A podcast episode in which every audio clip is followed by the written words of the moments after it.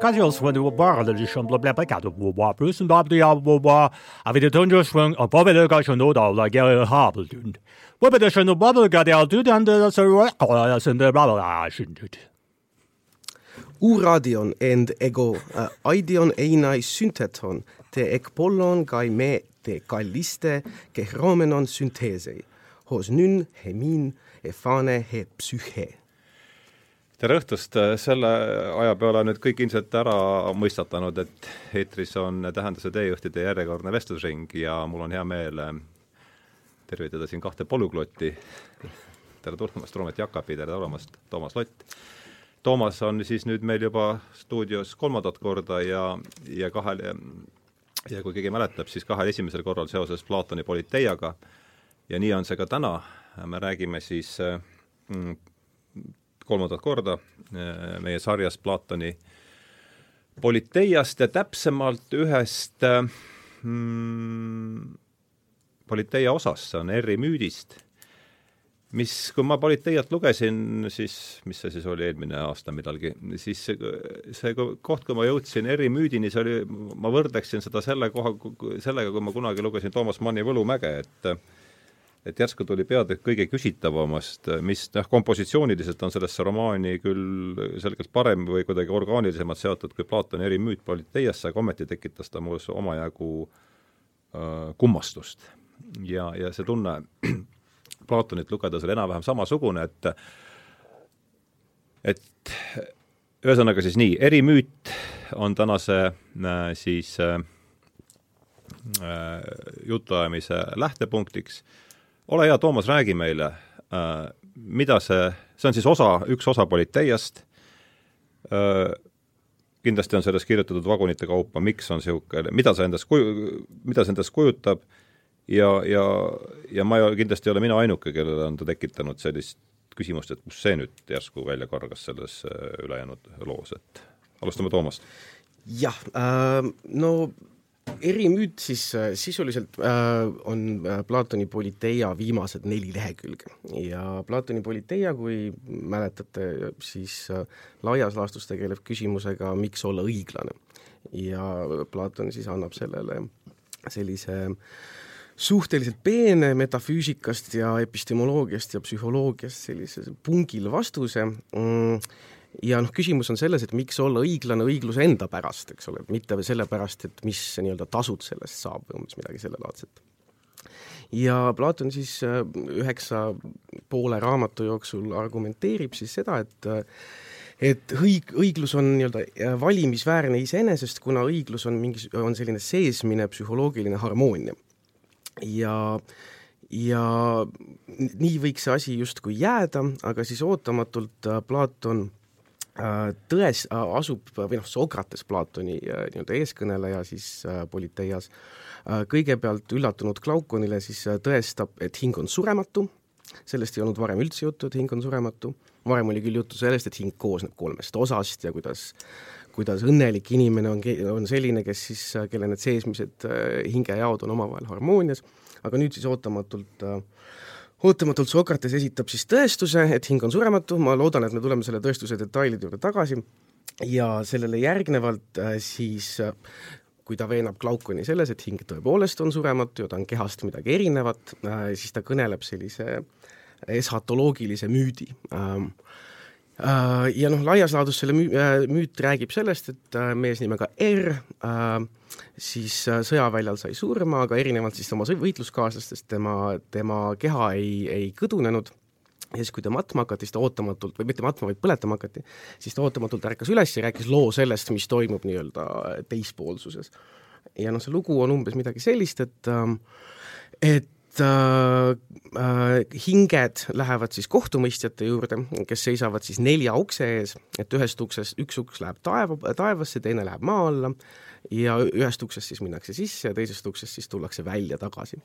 ja ja kohtumõistjad siis lähtuvalt sellest, kuidas inimene on elanud, saadavad inimese kas sinna nii-öelda maa alla, kus on kannatused ja see nii-öelda kõik halb asi, või siis sinna ülesse, kus on, kus on kõik need toredad asjad ja vastavalt siis sellele, kui palju inimene on head või halba teinud oma elus, siis see niivõrd palju aega ta veedab seal all või üleval, siis nad tulevad tagasi äh, nendelt oma ring, tuhandeaastaselt ringkäigult.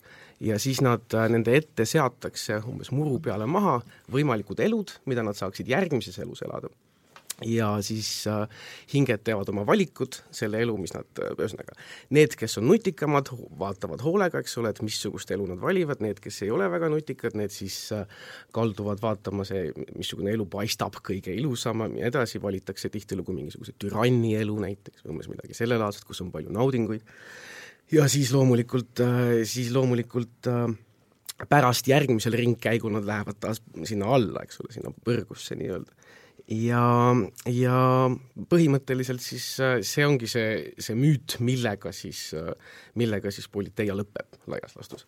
ja nüüd on küsimus selles, et miks ta seal on, mis selle funktsioon on, ja ma ei tea, kas ma räägin sellest kohe või, või tahame natuke võtame Roometi vahele, et kas, mis, mis muljed sinul see, mis on esimene reaktsioon, kuuldes sõna erimüüt? No kahtlemata väga muljetavaldav äh, lugu, äh, aga minu jaoks äh, seostub see muidugi ähm, esmajoones mõnede piibli kirjakohtadega, kuigi see seos on seal kaudne, aga see on, seal on, on leida midagi sarnast ja noh, kuna ma vaatasin need kirjakohad ka üle, ma võin nendest hiljem rääkida, siin võib leida teatavaid paralleele no ma praegu räägin ainult ühest äh, kohast, mida ka kristlikud filosoofid aeg-ajalt hiljem on, on käsitlenud. Äh, no kristluses teatavasti on niisugune õpetus nagu surnute ülestõusmine. Äh, aga seda võib leida ka juudi pärimusest ja nimelt siis Heseekeli raamatu kolmekümne seitsmendas peatükis on niisugune koht, kus on tegemist surnuist äh, üles ärkamisega, aga seal muidugi erinevalt Erri müüdist äh, ärkab üles terve armee. Ja, ja see Aeg üles, ja, ja see ülestõusmine on, on rõhutatult füüsiline ja, ja mulle tundub üldse, et see kristlus oma, oma vähemalt algsemal kujul on üldse väga füüsiline, ka Jeesus tõuseb, tõuseb füüsiliselt surnuist üles ja see hinge kehast eraldumise küsimus ja eraldatavuse ja lausa e-, e-, eristatavuse küsimus on, on mõnes mõttes problemaatiline, aga me tuleme ilmselt selle juurde tagasi.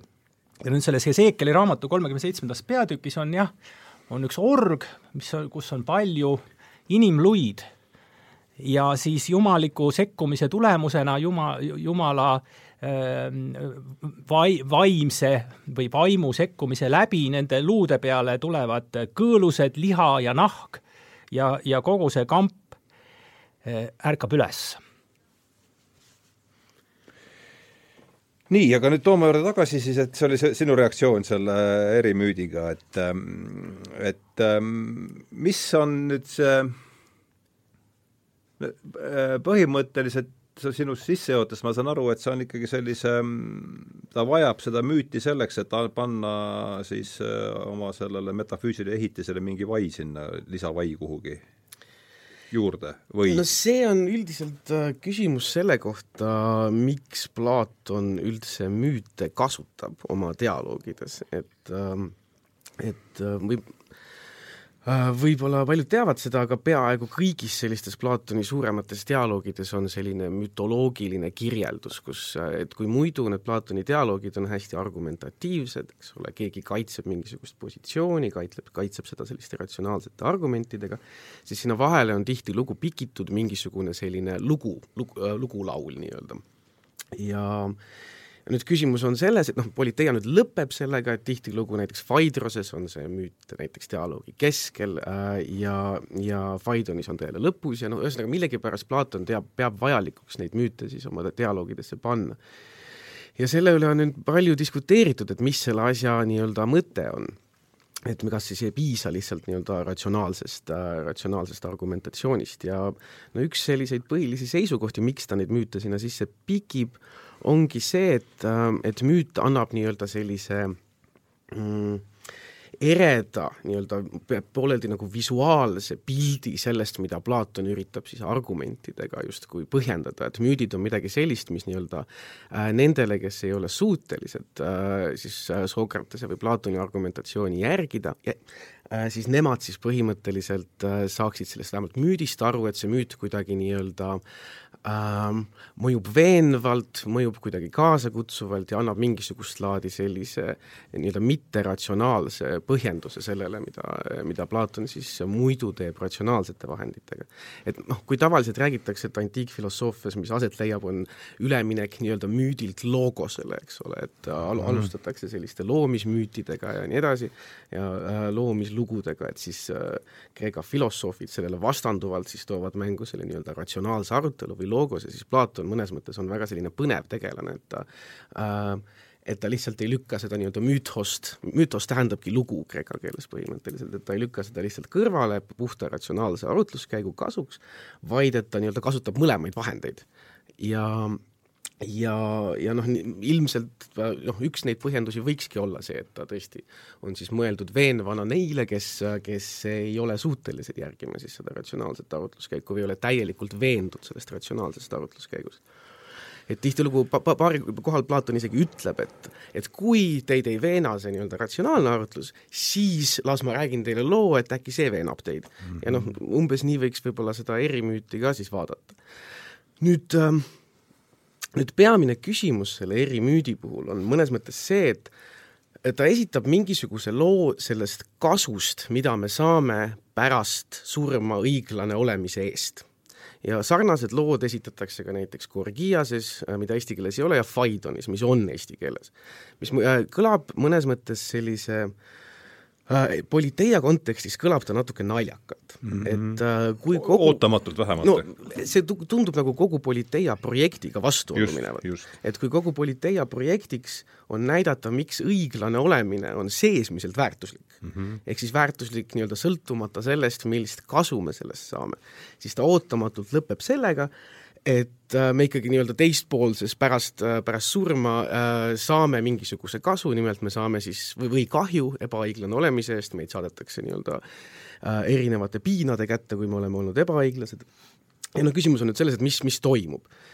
ja et, et miks, miks selline nii-öelda kasu, kasulugu siis lõpetab selle raamatu, mis, mis muidu on pidanud tõendama seda, et õiglus on kasulik, õiglus on valimisväärne sõltumata sellest kasust, mida ta endaga kaasa toob ja üks võimalikke põhjendusi, mis minu meelest äh, minu meelest on päris põnev, äh, mis pärineb äh, Julia Annaselt ühest tema artiklist kaheksakümnendate alguses, on see, et tegelikult see Politeia lõpumüüt ei, ta ei ütle meile seda, et ole elus õiglane ja siis äh, saad hiljem mingisugust laadi kasu, vaid asja mõte on selles, et kui sa oled elus õiglane äh,, siis sa lähed sinna nii-öelda äh, sinna ülespoole, sinna taeva poole, eks ole, kus sul on meeldivad kogemused, aga mis juhtub, on see, et sa tuled sealt oma tuhandeaastaselt ringkäigult tagasi ja peale seda on tõenäoline, et sa valid just nimelt mingisuguse halva elu et Platon ütleb seda, eks ole. ja, ja mõnes mõttes see ringkäik nii-öelda taeva ja põrgu vahel on selline lõputu et need, kes lähevad, käivad põrgust läbi, need hiljem valivad elu, mis neid tõenäoliselt viib taevasse, need, kes käivad taevast läbi, need valivad elu, mis meid lõppkokkuvõttes viib põrgusse. ja mõnes mõttes see on selline lõputu ringkäik taeva ja põrgu vahel, mis äh, nagu tegelikult noh, mõnede meelest natuke meenutab seda Nietzsche igavest ta- mm -hmm., nii-öelda võrdse või sama igavest taastulekut, et see on pigem midagi sellist, mis võtab nagu sellelt kasult tähenduse ära, sellelt elujärgselt kasult et me äh,, okei okay,, me saame nii-öelda esimese, esimeses nii-öelda perioodis me lähme küll taevasse, pärast seda me lähme jälle põrgusse, siis me läheme jälle taevasse, siis me läheme jälle põrgusse ja mõnes mõttes see taevas ja põrgu kui selline motiveeriv element muutub natukene mõttetuks selles kontekstis. et äh, nagunii me te, nii-öelda teisel ringil lähme põrgusse ja siis me lähme jälle taevasse ja nii edasi ja, ja see mõnes mõttes võikski võib-olla viidata või anda mõista seda, et tegelikult see, mis on õigluse puhul olu-, oluline, on just nimelt ikkagi tema valimisväärsus tema enda pärast ja mitte selle nii-öelda äh, selle kasu pärast, mida siis pärast mm -hmm. võid saada. et see on minu meelest üks selline üsna põnev tõlgendus selleks, et miks see erimüüt seal on, et ta nii-öelda visualiseerib äh, nii-öelda müütilisel kujul siis mõnes mõttes seda, et õiglus ikkagi on valimisväärne enda pärast, nagu paradoksaalsel kombel nii, aga järsku on nüüd äkki ka aeg hakata vaikselt äh, defineerima seda mõistet hing, sest ega ta ei ole ju üldse selline asi, mis äh, mis nüüd alluks väga kergele määratlemisele. vahest on mõtet äh, hakata sealt äh, Kreeka kandist siis pihta, ma saan aru? jah, okei okay, uh,, üldiselt mõnes mõttes, kui mulle tundub, et mis tuum hing, et mis tuum? mis tuum, jah. et uh, üldiselt uh, ma täna hommikul mõtlesin, mida selle kohta öelda, pesin hambaid ja vaatasin peeglisse, ja ma arvan, et meil on kõigil mingil hetkel elus olnud see tunne, et ajad oma asju siis sa vaatad peeglisse ja näed seda oma keha. Ja sul tekib selline nagu natuke kognitiivne dissonants, et see, mida sa näed, ei ole sina, et see, see, see nii-öelda hmm. morda nii-öelda seal peeglis, eks ole, et see ei ole see, mis ma nii-öelda seesmiselt tundun olevat, eks ole. et see on lihtsalt mingisugune ük-, nagu iga teine keha, mida ma enda ümber näen. see võiks raadiokuulajate poole pöörduda, kirjutada, et kas teil on olnud sarnaseid tundeid? no ma eeldan, et on, et see ei ole ainult minu mingisugune eripära, et lihtsalt see nagu see võõristustunne, mis vahetevahel tekib, kui ennast peeglist näha et äh, ja, ja mõnes mõttes äh, see võõristus või see nii-öelda ebakõla, mis tekib selle vahel, mis mina olen justkui, ja siis see nii-öelda keha, mis sealt peeglist vastu paistab, et see, mida me selle, mis mina olen nagu abil tajume või tunneme, ongi see, mida mida Platon näiteks peab siis äh, selleks, mis on hing. et see on see, mis ei taandu sinu kehale, see, mis äh, see, mis seletab või see, see on see, mis nii-öelda tunneb, mis mõtleb ja noh, kreeklaste jaoks eriti oluline, et see on see, mis sind liikuma paneb, et see on see, mis on sinu elu printsiip.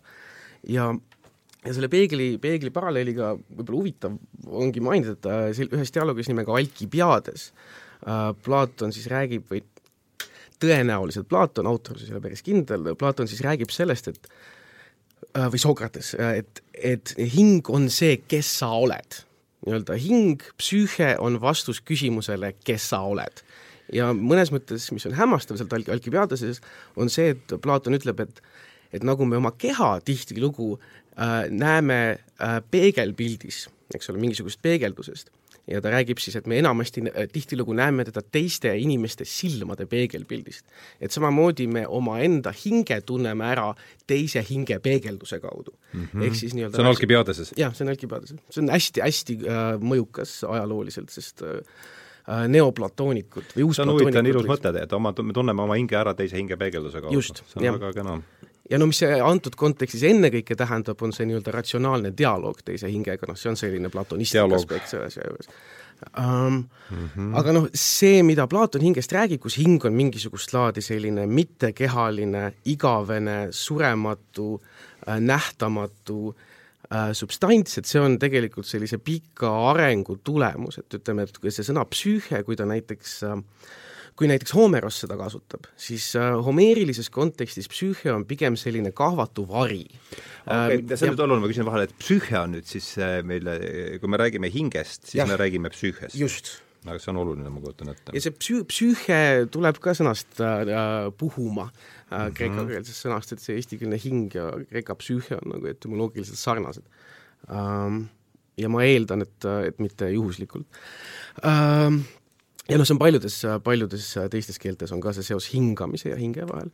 ja no äh, just nimelt see on see, mida home-, homeerilised äh, sõdalased siis, kui nad surma saavad, siis nad nii-öelda hingavad välja, see nii-öelda, see, mis lahkub nende kehast hingamise kaudu. aga seal ta ei ole mingisugune selline äh, ta ei ole pare-, Platonil on hing nii-öelda parim osa sinust mm. -hmm. Uh, homeerilises kontekstis on hing selline kahvatu vari, mis läheb Hadesesse ja mis on ebaselge isegi, mis tema nii-öelda selline uh, staatus on nii-öelda seoses igavesusega või, või kaduvusega, et kas, kas ta hävib või mitte. ja siis ütleme, pärast Homerost siis hakkab see psüühe mõiste hakkab üha rohkem nihkuma nagu sinnapoole, et mis on uh, mis on see sinu juures, mis sind liikuma paneb, mis on see sinu juures, mis sind elus hoiab. et näiteks Thales, keda peetakse esimeseks filosoofiks, et Thales väitis seda, et magnetitel on hing ja mm -hmm. selle asja mõte on just nimelt see, et magnet, eks ole, liigutab. see on siis see, mis Roomas läheb, millest ladina keeles saab anima, jah?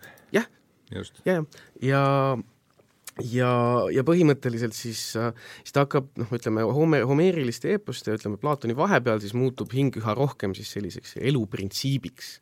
et äh, Äh, et hing on see, mis esiteks paneb liikuma äh, füüsiliselt või noh, ühesõnaga looduslikud kehad, et kõik, mis ennast liigutab, on hingestatud, kõigel on hing. ja siis kõik, ja hing on ühtlasi see printsiip, mis nii-öelda mis sinu, sinus, mis tunneb, mis mõtleb ja mis, mida võib-olla tänapäeval tihtilugu nimetatakse teadvuseks. teadvuseks, eks ju. Ja... et see rida oleks siis psüühe, anima ja teadvus, mingil määral võib seda niimoodi no ain- äh,, mitte tingimata, teadvus on äh, konsientsia, mis on nagu äh, teine ja, ja aga no ütleme, nende muutumus äh, noh, tähendused on nihkunud ajapihku, aga noh, no väga üldjoontes no, võib ja. niimoodi öelda jah, et, et paneks vähem, vähemalt ma ei ole tõest väga kaugel, kui ma nad niimoodi kirja panen. ütleme, kui me vaatame tänapäeva filosoofiat, siis niinimetatud vaimufilosoofia või philosophy of mind tegeleb, eks ole, paljuski küsimustega, mis seonduvad teadvusega. ja Kreeka filosoofid tegelevad samade küsimustega mõnes mõttes, mis tänapäeva vaimufilosoofia, aga siis ennekõike hinge, hinge kontekstis. nüüd siis Platon on siis tõesti see, kes muudab hinge selliseks äh, substantsiaalseks entiteediks. ta on ja... ontoloogiliselt äh, iseseisev, iseseisev, eks.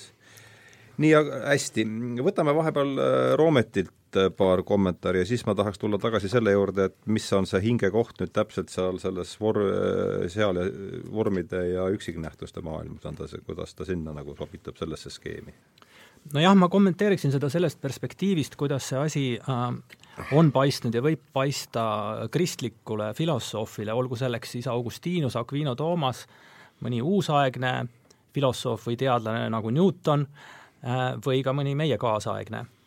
ja kõigepealt siis, kui rääkida müüdist või sellest loost, eks ole, kõik me teame hästi, et äh, piiblis on ju ka lood, on loomislugu, veeuputuse lugu, Jeesuse surnuist ülestõusmise lugu, mida ma juba enne mainisin, Äh, ja lugu sellest, kuidas see toimub viimne kohtupäev, äh, mis jällegi äh, on kaudselt seotud R-i müüdiga, sest seal esineb seesama element, see kohtumõistmine, aga, aga kristliku filosoofi perspektiivist nähtuna on muidugi see religioon seab argumenteerimisele teatud piirid ja need piirid on kohati ikka päris äh, tugevad ja selged Äh, selles mõttes, et äh, küsimus on ju selles, et kuidas me suhtume sellesse müüti või loosse üldse, kui keegi meile sellise loo jutustab, olgu see siis ka-, kaasnegu sellega siis filosoofiline argumentatsioon või mitte.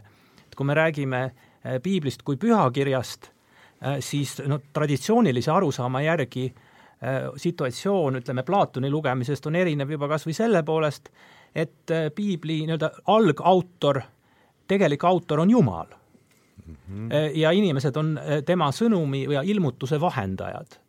ja kui meile, kui me võtame seda nagu tõsiselt iseäranis veel sõna-sõnalt, et et see üks või teine lugu, näiteks inimese loomise lugu, on ilmutatud, siis järelikult see peab olema tõene kuna sellel lasub jumalik autoriteet ja siis igasugune filosoofiline argumentatsioon niisuguses intellektuaalses õhustikus äh, peab neid nii-öelda tõsiasju arvesse võtma, kuidagi nendega hakkama saama, sest äh, ähm, ähm, religioon ei ole olemuslikult ju filosoofia.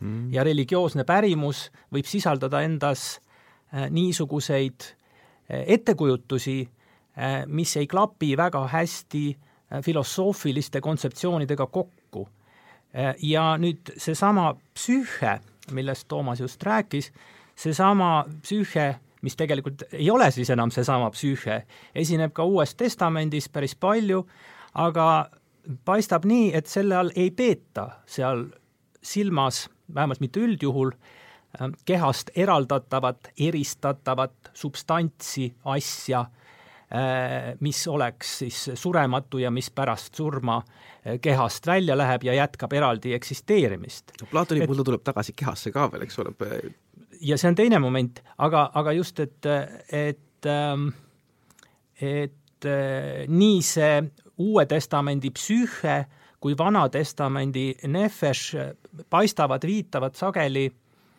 inimesele see nüüd, tervikuna. see on nüüd heebreakeelne sõna?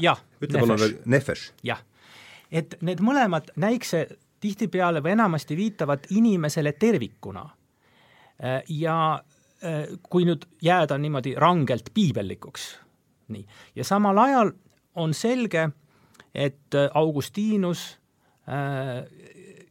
kes oli alguses ju neoplatonist, ja teised kirikuisad, kes seda kristlikku doktriini läbi sajandite kujundasid, nad tõid antiikfilosoofia ja sealhulgas Platoni hingekäsitluse kristlusse sisse, püüdes seda kombineerida mm. -hmm. siis sellega, mis vaatab meile piiblist vastu. püüdes seda äh, usku ja mõistust äh, sünteesida. aga äh, läbi kristluse ajaloo on ikka ja jälle esile hüpanud niisuguseid äh, isikuid ja ka äh, gruppe, kes on väitnud, et see filosoofiline käsitlus hingest kui surematust, igavesest, mittekehalisest substantsist on mittekristlik, mitte algupärane. seda pole meile ilmutatud, vaid see on sisse toodud äh, filosoofia kaudu mm. -hmm. ja et seda ei pea äh, kristlane uskumagi. see pole algupärane tähendab, aa, see on huvitav, et tähendab, kristluse, saan ma õigesti aru, ma kontrollin, see tundub olevat oluline koht, et kristluses on suund, mis ütleb seda, et hinge surematus, mida me peame justkui selliseks kristluse enesestmõistetavaks osaks, ei ole üldse see, mis tuleks juudi kristlikust traditsioonist, vaid mis on siis toodud sisse pigem sellest Ateena, Ateena traditsioonist, saan ma õigesti aru? just, just. et nagu põhimõte, ühesõnaga see ei ole peavooluvaade, sest eks ole, noh, keskajal, äh, keskaja äh, kristlikud filosoofid arendasid Äh, selle äh, filosoofiat ja piiblit sünteesiva hingekäsitluse detailideni välja, detailideni välja ka selles osas, mis puudutab surmajärgset elu, äh, kus on siis puhastustuli ja kust minnakse edasi taevasse ja kus on ka põrgu, aga erinevalt siis sellest äh, Platoni käsitlusest kristluses üldjuhul äh, Äh, ümbersünd teise uude inimkehasse äh, või rääkimata loomakehasse ümbersündimisest ei tule kõne alla, et igalühel on üks ja ainukene elu ja see saab otsa, ei ole mingit surmajärgset loteriid, kust me saame omale uue elu valida, see on, on ühesõnaga al-, alguse ja lõpuga üks, üks äh, elu ma saan õigesti aru, et, et äh, loomadel ei olegi hinge kristlikus konstitutsioonis? Äh, selle kohta on olnud erinevaid arvamusi, et mõne meelest, ühesõnaga loomadele võib lubada eh, hingi küll, aga kindlasti mitte igavest elu. ei, isegi, isegi see võib tegelikult olla, nüüd kõik see muutub siin hägusaks selles mõttes, et on olnud ka selliseid filosoofe kristlikus traditsioonis, kes äh, lubavad isegi seda, et loomadel võib mingisugusel moel elu pärast surma edasi minna aga, aga, aga, aga see, aga kindlasti ei ole room, loomadel siis äh, ratsionaalset hinge, neil võib olla mingisugune eksistentsivorm ikkagi. aga inimese hing äh, ei lähe teise inimkehasse ega ei lähe loomakehasse, vaid inimese hinge eesmärk on ikkagi jõuda välja taevasse. ja lõpuks siis ja see, ja see hing on individuaalne, see on üks ja ainus mm -hmm. ja siis ta läbib selle maise elu ja peab siin hästi käituma ja siis ta äh, peab minema siis edasi. ja üks märkus veel, et, ähm, et äh, äh, mis puudutab, ähm, mul läks praegu sassi aga ma, ma küsin vahele, enne kui Tooma, Toomase juurde läheme, selle hinge asukoht selles Platoni ja. skeemis. et kes oleks seal selles, selles traditsioonis vahest sellised noh ähm,, tuntumad nimed, kes ütlevad seda, et kogu see hinge surematuse idee ei ole Kristusele üldse, tuleb sulle ette keegi? Äh, no minu äh, põhiline uurimisvaldkond on olnud äh, varauusaegne siis ehk siis seitsmeteistkümnenda, kaheksateistkümnenda sajandi filosoofia ja sealt on väga hea selge näide, on Thomas Hobbes. Thomas Hobbes, jah. keda saab pidada kristlikuks materjalistiks. sest Hobbes arvas, et ühesõnaga tema jaoks substants ja keha on üks ja seesama. ja öelda mitte kehaline substants on sama, mis öelda mittekehaline keha.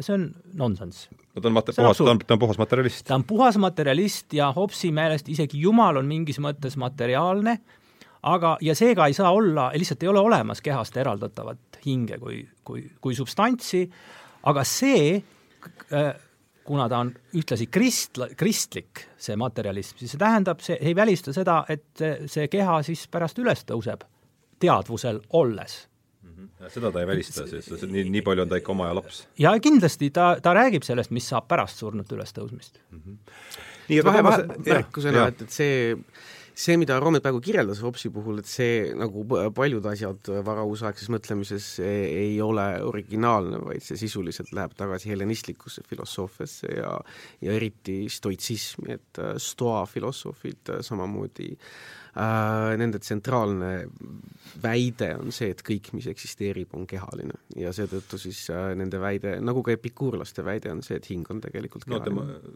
jah, loomulikult materjalism tuleb, on sügavamate, sügavamate juurde, aga, aga jah. täpselt nii, aga äh, aga lihtsalt äh,, lihtsalt väärib märkimist, et Hobbes äh, jällegi oma ajastu lapsena äh, kasutab ka piibellikku argumenti, viidates esi äh,, siis äh, esimese Moosese raamatu, esimese Moosese kaks seitse on see, kus räägitakse, kuidas inimene luuakse ja, ja kuidas talle elu hingus sisse puhutakse ja siis Hobbes jällegi viitab just sellele, et noh, muuhulgas argument, kasutades nii filosoofilist kui piibellikku argumenti eh,, tahab väita seda, et see, see elav hing eh,, kes, kes siis eh, loomise tulemusel tekib, see on inimene tervikuna. Aga see on läbinisti kehaline olend mm. -hmm nii, aga Toomas, ole, ole hea, räägi meile nüüd sellest hinge mm, asukohast, sellest Platoni põhiskeemis, mis siis teadupoolest jaguneb, tuletame meelde, et on meil siis joon, mis jaotab äh, transcendentse maailma siinpoolseks maailmas, maailmaks, kus siis transcendentses maailmas on vormid ja ja siinpool siis üksiknähtused, et kuidas, kuhu, kuidas, kuhu hing seal nüüd sobitub ja, ja, ja mis, mis tema koht on selles skee-, põhjapanevas skeemis? jah, et see üldiselt äh, no see hinge hinge mõiste Platonile on, eks ole, hing on midagi sellist, mis äh, ühest küljest on surematu, mis äh, äh, mis siis äh, teataval viisil sarnaneb nende niinimetatud Platoni ideedega, eks ole, et Platoni ideed äh, mäletatavasti on umbes ilu ise teadmine ise, õiglus ise ja nii edasi, et need on need, mis eksisteerivad sõltumatult siis kõikidest ilusatest asjadest, õiglastest asjadest ja mis teevad siis õiglased asjad õiglaseks ja nii edasi. ja see noh, võib-olla kõige tänapäevasele inimesele kõige lihtsam on aru saada, et ideed mingisuguses mõttes meenutavad natukene arve et nagu äh, mõnes mõttes meil on kolm õuna ja kolm meest stuudios ja nii edasi, aga aga arv kolm on midagi sellist, mida, mille kohta käivad omad tõed, eks ole, arv kolm on paaritu arv, ta on algarv ja nii edasi ja ja ja need tõed kehtivad arv kolme kohta sõltumatult sellest, kas üldse on kolm asja maailmas või mitte. no see on see, see koht, kus Platon ja Pythagoras, Pythagoras no midagi, Platonil natukene Pythagoralikud mõjud selles yeah. mõttes ja ja, ja ja teisest küljest on, eks ole, siis meil need kehalised nii-öelda nähtavad äh, asjad ja mõnes mõttes hing on äh, omapärasel viisil siis nende kahe valdkonna vahel, et Just. äh, ja, ja siin tulekski mõnes mõttes võib-olla eristada äh, hilisemas filosoofias tohutult mõjukat ideed, et hingel on mõnes mõttes, nagu Platon ütleb, kolm osa äh,. Need on siis äh, äh, ihalev hingejagu äh,, söakas hingejagu ja mõistuslik hingejagu. sellest ja, oli meil pikalt juttu eelmises saates, eks ju? ja mis nüüd erimüüdi puhul et keda huvitab, siis vaadake järele praegu, ma ei mäleta, mis selle pealkirjaks saigi Ihale Vingaso oligi vist selle, sai selle saate pealkirjaks. ja, ja, ja noh, erimüüdi puhul on see, et äh, erimüüdis Platon ootam- või enne seda erimüüti ta ootamatult ütleb, et tegelikult võib-olla on hing ikkagi ühtsus, et ta on nii-öelda, et ja see on siis hilisemas nii-öelda filosoofias saanud väga mõjukaks, on see, et et mõnes mõttes see ihalev ja söakas hingeosa on midagi sellist, mis teatud mõttes tekivad justkui sellele ratsionaalsele hingeosale juurde siis, kui ta läheb kehasse, eks ole äh, ja no see siis võibki öelda, et selle nii-öelda ratsionaalse hinge osa selline ontoloogiline koht on just nimelt see, äh, see ideede valdkond. ja siis see ihaleva ja, ja söaka hinge osa teatud mõttes koht nüüd nagu ülekantud tähendusest, me ei räägi, eks ole, tegelikult reaalsetest kohtadest, äh, vaid pigem valdkondadest või umbes midagi sellist, et selle, see kuulub siis sinna meelelise valdkonda. see tuleb juurde siis, kui hing siseneb mateeriasse? just. ja see siis mhm. Plotinosel näiteks muutub nagu täiesti keskseks ja samamoodi teatud mõttes ka Aristotelesel. et see, see, mis meis on surematu, on tegelikult ainult see ratsionaalne osa hingest mm. -hmm. Ja see ülejäänu on teatud mõttes selline miski, nagu Platon ütleb, eks ole, et nagu see merejumal äh, Glaukus, eks Glaukos, et ta, et talle, et see hing puhtal kujul on puhalt see ratsionaalne osa, aga siin nii-öelda meelelises maailmas talle tekivad juurde umbes nagu, nagu mingisugustele mereolenditele tekivad juurde mingisugused ka nagu umbes merikarbid kasvavad külge, vetikad ja nii edasi ja nii edasi um,, umbes midagi sellist, et kui on see Kariibi mere piraatides on sellised tegelased, kes on kuidagimoodi kaetud igasuguste, igasuguste äh, molluskitega, et, et ja see noh, see, see, kui me räägime sellest, kes mina olen, eks ole, see hing kui äh, selle kolme hingejao selline tervik, et, et mõnes mõttes see, see, see minu puhas mina on tegelikult ainult see ratsionaalne hingeosa ja et mõnes mõttes see, mida me arvame, et me oleme, ei ole päris täpselt see, kes me oleme. Et äh, selleks, et teada saada, kes me oleme, selleks on vaja nii-öelda filosoofilist reflektsiooni ja ühes teises dialoogis nimega Phaidon Platon ütleb, või noh, Sokrates ütleb, et filosoofia teatud mõttes ongi keha suretamine, eks ole. et filosoofia on surmaks ettevalmistumine just nimelt selle kaudu, eks ole, et hing eraldub teatud mõttes kehast surres ja siis filosoofia on see, kus me saame nii-öelda siinses maailmas surra. et me su-, võimalikult lähedale surmale jõuda ilma tegelikult suremata ütle palun veel, mis see, kus dialoogis on see mõte, et filosoofia on surmaks valmistamine, see on Faidon. ah, see on Faidonis, jah? ta ei see, ole isegi ongi... mitte ainult surmaks valmistumine, vaid ta on suremine, nii palju, kui on võimalik surra ilma tegelikult mm -hmm. suremata mm. -hmm. see on Faidonis see mõte, jah? nii, aga Plotinuse mõte käis läbi, et ma tahaks nüüd jõuda siit äh, Roometiga sinna Augustinuse äh, poole peale, et paari sõnaga, Plotinus on oluline tegelane seal vahel, et äh, kas me saaksime järsku siin niimoodi no ma või, või ühesõnaga kahe peale, kahe peale kokku. see, mis laias laastus toimub, eks ärge, ärge unustage seda, et meil on ikkagi tegemist pärasaatega, et ei pruugi niimoodi ei no aga et ei pruugi nüüd sellest, seda, et järsku, et jah, ei, ei pruugi ainult rääkida sellest, mida me teame, et vaid võib niimoodi iga bluffida ka natukene. no ühesõnaga ühesõnaga ma kutsun teid üles julgusele uh,. No mis toimub, eks ole, Platon on see, kes, kelle puhul mõnes mõttes kõige selgemalt see nii-öelda hing või siis vähemalt see ratsionaalne hingejagu muudetakse selliseks eraldi, eraldiseisvaks eksistentsiks, võimeliseks uh, substantsiks või entiteediks või umbes midagi sellelaadset. Aristoteles talle järgnevalt uh, siis samamoodi räägib kolmest äh,, äh, ta ei räägi kolmest hingeosast, vaid kolmest hingest, kolme tüüpi hingest. see on Aristoteles. jah, et meil on nii-öelda taimne hing, meil on, mida ta nimetab siis vegetatiivseks hingeks, siis on meil loomne hing ja siis on meil see nii-öelda ratsionaalne hing ja noh, tegelikult Aristoteles on mingis mõttes, ütleme, skolastilises või keskaegses kontekstis palju mõjukam kui Platon selle koha pealt. ja noh, siis tulevad helenistlikud filosoofid, kes sisuliselt ütlevad, et kuulge, et mingisugust eraldiseisvat äh, sellist mittekehalist substantsi nagu hing ei ole, et kõik, mis on, on kehaline, äh, ja siis ütleme, äh, tekib see neoplatonistlik koolkond, kus äh, mis noh, Plotinos on siis selle nii-öelda peamine esindaja, kus siis tõepoolest hing muudetakse taaskord selliseks eraldiseisvaks substantsiks, mis, mis on ühesõnaga, uusplatonistlik hingekäsitlus on äärmiselt keeruline, et, et ühest küljest on seal olemas meil see nii-öelda jälle Platonilt näpatud selline maailmahing ja selles maailmahingega kuidagi nii-öelda seoses sellest emaneeruvalt, siis on need nii-öelda üksikud individuaalhinged, kes, kes tegelikult äh, on selles nii-öelda ideede või noh, teatud mõttes siis selles nii-öelda intellektuaalses valdkonnas ja ainult näivalt on nad tegelikult selles kehalises valdkonnas ja see neoplatonistlik hingekäsitlus on ausalt nii keeruline, et ma ei, ei oska nagu väga palju sellest mm. midagi rääkida. no see kindlasti avaldas suurt mõju äh, kristlikule filosoofiale ja eesotsas Augustinusega sa räägid Plotinusest nüüd? jaa, no neoplatonismist üldse. No, jah, ja, ja säärasest ka sellest keerulisest hingekäsitlusest see asja mõte on see, et see individuaalne hing on kuidagi selles maailma hingega koos, eks ole, ta nagu ja, ja, ja, ja seal räägitakse mingisugustest hüpostaasidest ja mingisugustest sellistest asjadest, millest on väga-väga raske aru. väga, väga peen. Aga või see, siis arusaamatu. aga, aga just see, mis kristlastele ei sobi.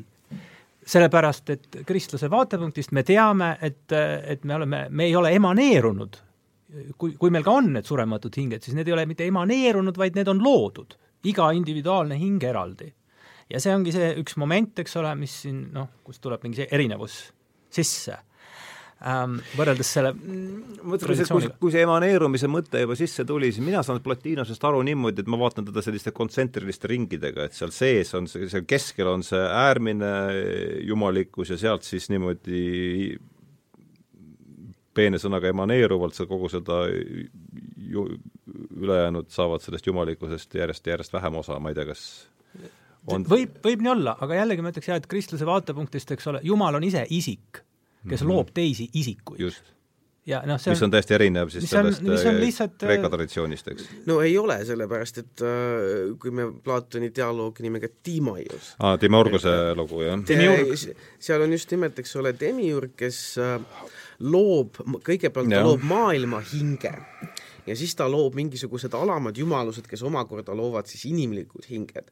ja äh, minu meelest väga tore seal äh, Tiimaioses on see, et, et ühest küljest on, eks ole, meil see maailmahing, mis ja miks see maailmahing on vajalik, on see, et äh, mida me näeme enda ümber, on mingisugust laadi selline mõistuslik korrapära et äh, kui me näiteks vaatame tähistaevast, siis seal ei ole mingisugused kaootilised liikumised, vaid seal on vägagi korrapärased liikumised. ja see, miks miks on vaja mõnes mõttes postuleerida see maailma hing, on just nimelt seletada seda, miks maailm Korrapära. on korrapärane sellisel viisil, nagu ta on. ja ja noh, siis ja lisaks sellele, et on see maailmahing, on olemas ka nii-öelda üksikud hinged, me kõik oleme nii-öelda üks hi-, selles mõttes igalühel meist on üks hing, äh, Platon väga võluvalt ütleb, et äh, äh, hinge on täpselt nii palju kui taevas tähti, ühesõnaga igal hingel on oma täht, mille juurde ta tagasi läheb äh, selleks ajaks, kui ta, kui ta sureb, siis hing läheb tagasi oma tähe juurde, kui ta tagasi kehasse tuleb, tuleb ta tähe juurest tagasi äh,, eks ole, ja ja no mis siis toimub, on ka ühtlasi see nii-öelda metempsühhoos, et inimhinged lähevad loomade kehasse, loomade hinged tulevad inimkehasse, et mõnes mõttes Platoni kontekstis on ekslik üldse rääkida inimhingest. Äh,. hing, mis me oleme, ei ole inimene. Hinge, mis me oleme, on miski, mis liigub nii-öelda inimesest rebasesse, rebasest äh, äh luike, luigest tagasi inimesse ja nii edasi, et see, et see meie nii-öelda tuum on midagi sellist, mis tegelikult ei ole inimlik et vaid see on mõnes mõttes selline üliinimlik, ta, tema koht on nii-öelda väljaspool, väljaspool seda nii-öelda siin, siinset meelelist sfääri. et see on mõnes mõttes oluline mõte, et, et kui me kaldume mõtlema seda umbes niimoodi, et, et inimhinged lähevad, käivad vahepeal loomahinges ära, siis tulevad tagasi, et ei, hing kui selline ei ole liigispetsiifiline, et me mõnes mõttes, meil on rebaste ja luikjadega palju rohkem ühist, me oleme, meil on nagu sõna otseses mõttes nii-öelda samad hinged, mis ei ole inimhinged, vaid nii-öelda hing kuidagi neutraalses mõttes ma panen nüüd sellise lause kirja, et Platonil ei ole hing inimesele spetsiifiline. jah mm. -hmm väga huvitav. aga ole hea, Roomet, liigume vaikselt nüüd Augustiinuse poole. ärme siis sinna Plotinuse juures väga suurt pausi tee, ütleme, et seal mida, midagi ma, emaneerub, millest me eriti praegu ma, hetkel aru ei saa. mulle meenus mitmeid, mitmeid asju tegelikult, mida ma tahaksin välja tuua selle äh, Toomase äh, jutu peale. Äh, see puudutab nii neid hingeosi või aspekte kui ka, kui ka seda maailma hinge, et noh, kõik need ideed äh, leidsid äh, kirikuisade kaudu tee äh, filosoofiasse ja siis nad seal kombineerusid äh, kristlike õpetustega. Äh,, aga võib-olla selle koha peal oleks paslik rääkida hoopis äh, Henry Moore'ist, kes oli otseselt platonist ja teadlikult ja tahtlikult, ühesõnaga seitsmeteistkümnenda sajandi Inglise metafüüsik, kes oli ka väga palju mõjutatud neoplatonismist.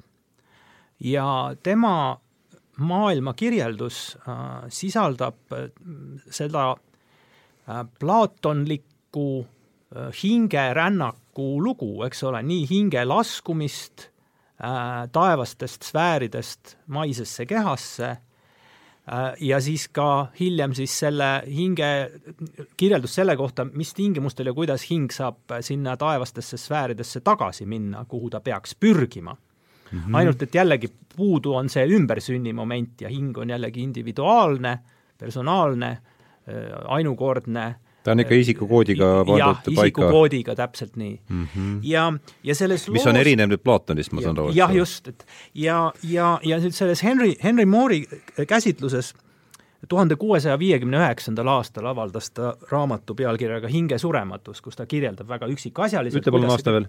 tuhat kuussada viiskümmend üheksa ja kirjeldab üksikasjalikult seda, kuidas see kõik siis toimub tema selles kristlik-platonistlikus maailmas.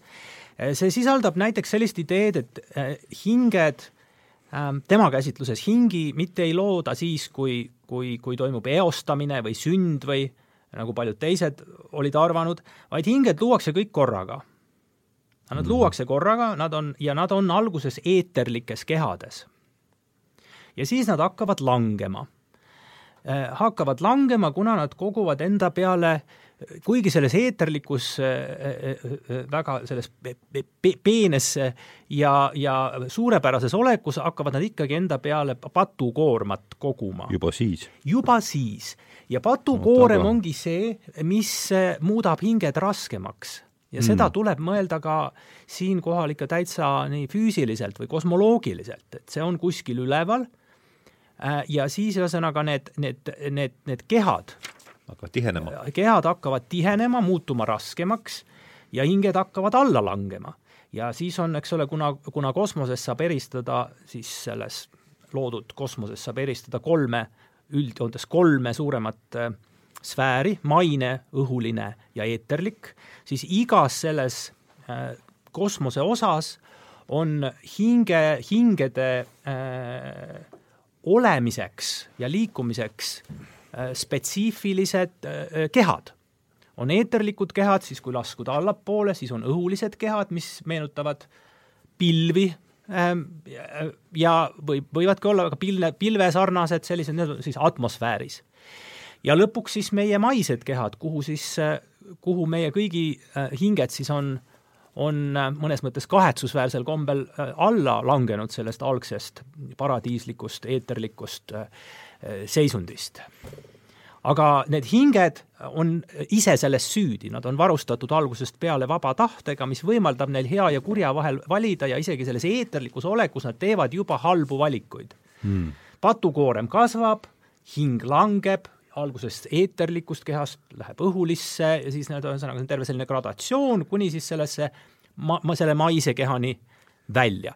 ja, ja siis ähm, ja nüüd me ei ole veel väga palju rääkinud sellest, mis siis täpsemalt hakkab saama pärast surma aga see on seotud mingi tagasipõrge peaks siis ka toimuma? põrge toimub mm, -hmm. kui, kui, kui inimene sellele ise kaasa aitab mm..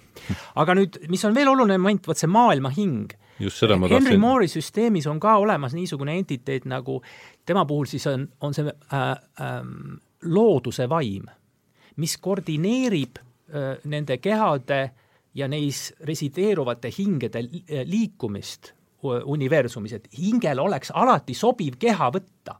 see on nagu selline dispet-, dispetšer mõnes mõttes. Ja, ja, ja see looduse vaim on nagu dispetšer? no sellest no,, see, see, see on üks tema, nagu, kujund. üks tema funktsioone mm. -hmm. teine funktsioon on see, et äh, tol ajal on jällegi väga no äh, mõjukas selline äh, maailmakäsitlus kus, kus, kus püütakse kõike taandada füüsiliste, kõiki liikumisi looduses taandada füüsilistele põhjustele, aga Moori ja teiste platonistide meelest see on vähemasti ebapiisav, et alati on ka looduse eh, kulgemises on, eh, on vaimsed põhjused ja seesama looduse vaim, mis toimub, toimib ja tal on mingid erinevad funktsioonid, et kõike ei saa taandada osakeste liikumise, füüsiliste osakeste liikumisele. aga nüüd kui äh, hakatakse juba seda teispoolsust konstrueerima, siis see on omakorda seotud äh, hingeosade või aspektide või ka hingevõimete, kognitiivsete võimete eristamisega. Äh, ja, ja nagu Toomas siin enne välja tõi, eks ole, juba antiikfilosoofias ka, et üldjuhul, eks ole, see mõttekäik on ju selline, et, et on mingi osa äh, hingest eeldatavasti siis see ratsionaalne, see parem ja kõrgem osa, äh, mis ei ole vältimatult äh, kehaga seotud ja millel on see privileeg äh, minna ja tulla ja mis on see olemuslik või kõige tähtsam osa inimese hingest. ja ka nendes uusaegsetes käsitlustes, ka näiteks Descartesil, on see selge vahetegemine nende hingevõimete vahel, mis on kehast sõltuvad Äh, enamus neist on no me ei saa, me ei saa näha ega kuulda, kui meil ei ole selleks sobivaid organeid. aga Descartesi meelest on meil hinges ka puhas intellekt, mis toimib põhimõtteliselt kehast sõltumatult. ja eeldatavasti, kui hing kehast lahkub, siis ta võiks või peaks säilitama just need võimed, mis nagunii kehast ei sõltu. näha enam ei saa, aga puhtalt mõelda äh, matemaatikast ja voorusest, äh, miks mitte. unenägusid näha. või ka unenägusid. Mind huvitaks see, mis sul jäi eelmisest, mulle meeldis, et tuli see samune maailma vaim- või maailmahinge idee mm. -hmm. et minul haakus see kohe ära, et kui me vaatame Platonit kui sellist sünteesi, on omaette küsimus, sa kindlasti vaidled vastu, kas sa saad te-, või no ühesõnaga, võtame nüüd Platoni segu kui Parmeniidesest ja Herakleitosest et no. siis see maailma hing, see justkui hakkaks meenutama mulle seda Herakleitose logose asja, et kuidas need kaks asja seal omavahel ähm, kokku, kokku lähevad? no ühesõnaga äh, see Herakleitose logos laias laastus, no eba, Herakleitust, eks ole, tema hüüdnimi oli tume, et äh, seetõttu on nagu raske täpselt öelda, Herakleitos on siis filosoof, kes tegutses kuskil äh, viienda-kuuenda sajandi vahel. ja kes ütles, et kõik asjad on äh, pidevas muutumises ütles seda ka muuhulgas, jah. no selles kontekstis on ja, oluline no, rõhutada. noh, Herakleituslik point on see, et, et äh, maailm, mis tundub meile, eks ole, kus kõik liigub, kus äh, kus esmapilgul nagu seda korrapära ei ole märgata, siis, äh, siis Herakleitosel see logos on mõnes mõttes see nii-öelda vastandite omavaheline, eks ole, mäng, mida ta nimetab ka sõnaga polemus või riid või sõda või umbes midagi sellist. et see nagu Herakleitose logos kirjeldab mingisugust laadi noh, maailma struktuuri mis esmapilgul ei ole, ei ole ilmne. et äh, ta ei ole nii palju äh, ta, talle kindlasti ei saa omistada mingisugust laadi kognitiivseid võimeid mm, -hmm. aga mhm. näiteks Platoni äh, see maailma hing, tema puhul selgelt öeldakse, et tal on teadmised ja tal on tõesed arvamused. et maailma hing on see, mis reaalselt nii-öelda mõtleb ja, ja seetõttu see on, noh, ühesõnaga Herakleitos loogosele minu teada mingisugusemaid nagu kognitiivseid võimeid ei, ei omista, vaid loogos kirjeldab lihtsalt nii-öelda seaduspära maailmas. ja seetõttu mm -hmm., seetõttu ma arvan, et siin tuleks kindlasti äh,, kindlasti vahet teha. ja, ja seda ma küsisingi, jah aga on sul Rometi jutu, see, see, mis mina tahtsin küsida, on sul äh, Rometi jutu peale mingid tuleta mulle meelde, mis see küsimus oli Äh, küsisin ma praegu selle kohta, et ähm, mis oli vahe siis äh, ja, selle ja. me klaarisime ära, aga et nüüd selle Roometi eelmise jutu peale, kui ta rääkis äh, nüüd sellest Moori pildi, et, et kuidas see võiks kuidas see võiks no et ühesõnaga, kuivõrd no, mind, kuivõrd mind huvitab, huvitab tegelikult see sild nüüd, hingekäsitluse sild, mis saab aluse, see on see saate nagu kaugem eesmärk, et jah, et no ühesõnaga, see, ei no see nii-öelda see lugu, mida sa, millest sa oleksid huvitatud, on siis umbes see, mis algab kuskilt Platoni juurest, liigub läbi Aristotelese Augustinuse äh, hellenismi, hellenismi., uusplaatoonikute äh, siis kirikuisade, siis islami mõtlejate, siis skolastiliste filosoofide äh, ma saan aru, et see on küllaltki ambitsioonikas. see projekt on suhteliselt ambitsioonikas. jaa, aga, aga noh, tuleta-, tuletame meelde, et meil on ikkagi tegemist sellise pühapäeva pärastlõunase saatega, et me ei pea nüüd äh, noh, niimoodi võtamegi laia pintsliga seda asja ja üritame mitte detailidesse väga takerduda see on ikkagi nii no võib-olla, võib-olla, võib-olla liiguks siis nagu ühesõnaga Roometi jutt ja minu, lase... minu, minu küsimus Roometile oleks umbes midagi sellist, et, et kui Roomet, sa rääkisid sellest, eks ole, et meil on, ühest küljest meil on pühakiri, eks ole, meil on Vana Testament, meil on Uus Testament uh,. Uues Testamendis ei ole nagu selget eristust uh, uh, keha ja hinge vahel sellises, sellisel kujul, nagu ta näiteks on olemas platonismis uh,. ja noh, ütleme uh, noh, mingil määral, aga palju vähem ka Aristotelesele, et mik- ähm,, et mi-, mis selle püha kirja juures äh,, missugused nii-öelda kas siis ebakõlad või siis selle pühakirja nii-öelda äh, mingisugune ebakõla mingisuguste muude asjadega ajendab neid äh, nii-öelda filosoofia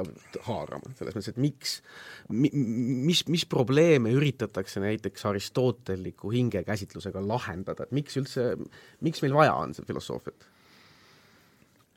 see on väga huvitav küsimus ja sellega ma tahan öelda, et ma ei oska sellele täpselt vastata. aga proovi aga ma võin proovida, et mis motiveerib neid samu kirikuisasid ja äh, Äh, seda, seda, seda materjali niimoodi töötlema just, filosoofiliselt, sest just see on toimunud, eks ole, seal sajandite vältel äh, keskajal.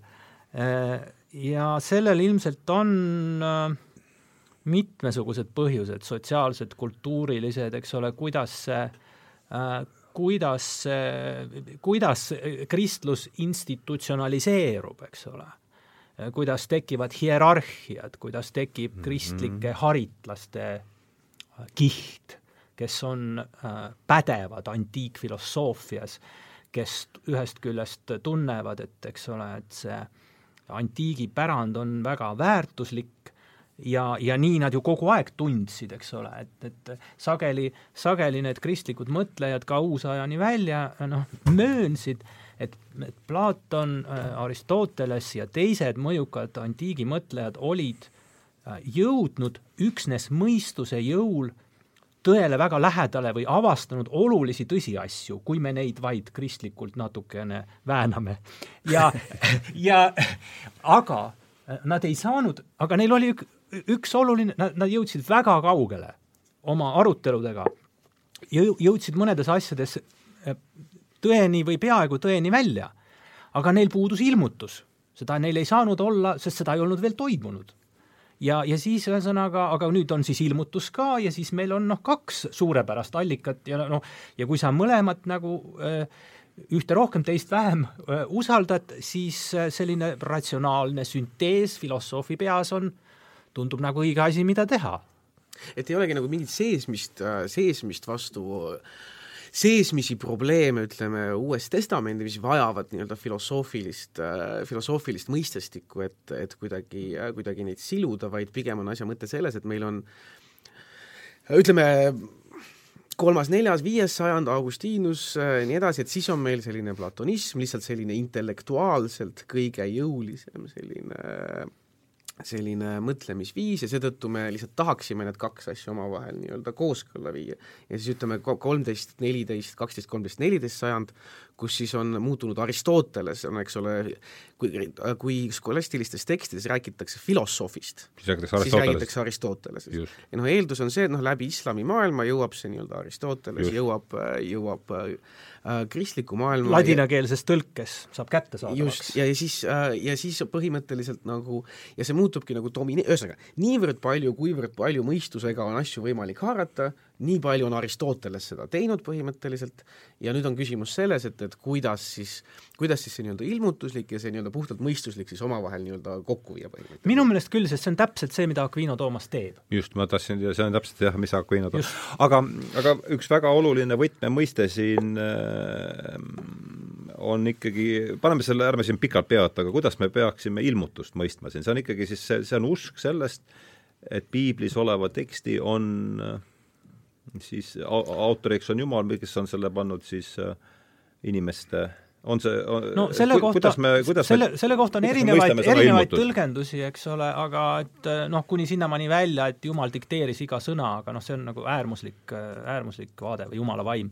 aga aga, aga nii või teisiti mõte on selles, et, et see, see inimeste poolt kirja kand-, pandud tekst sisaldab äh, hulka olulisi tõdesid sealhulgas inimese ja maailma loomise, maailma lõpu, viimse kohtupäeva, suure veeuputuse ja paljude muude asjade kohta, milleni inimene oma mõistuse jõuga äh, ilma ilmutuse abita ei jõuaks aga kas ma võiks öelda, et need on siis ilmut-, see tehnika, kuidas see nüüd tuleb, see on oma, jätame selle kõrvale, aga, aga et see, mis selle ilmutuse lõpus on, on mingid sellised aktsiomaatilised maamärgid, mille ümber siis kogu see filosoofia ja muu mõtlemine peaks nagu sobituma. No mingid raamid on seatud jah, et sa ei saa, ütleme et no, need, need, need as-, neid as-, nendes asjades me ei kahtle ja püüame siis ülejäänud kogu selle sama jaa, e, e, no et no ei kahtle, muidugi, ega siis see, et on ilmutatud, see, kui on ilmutatud,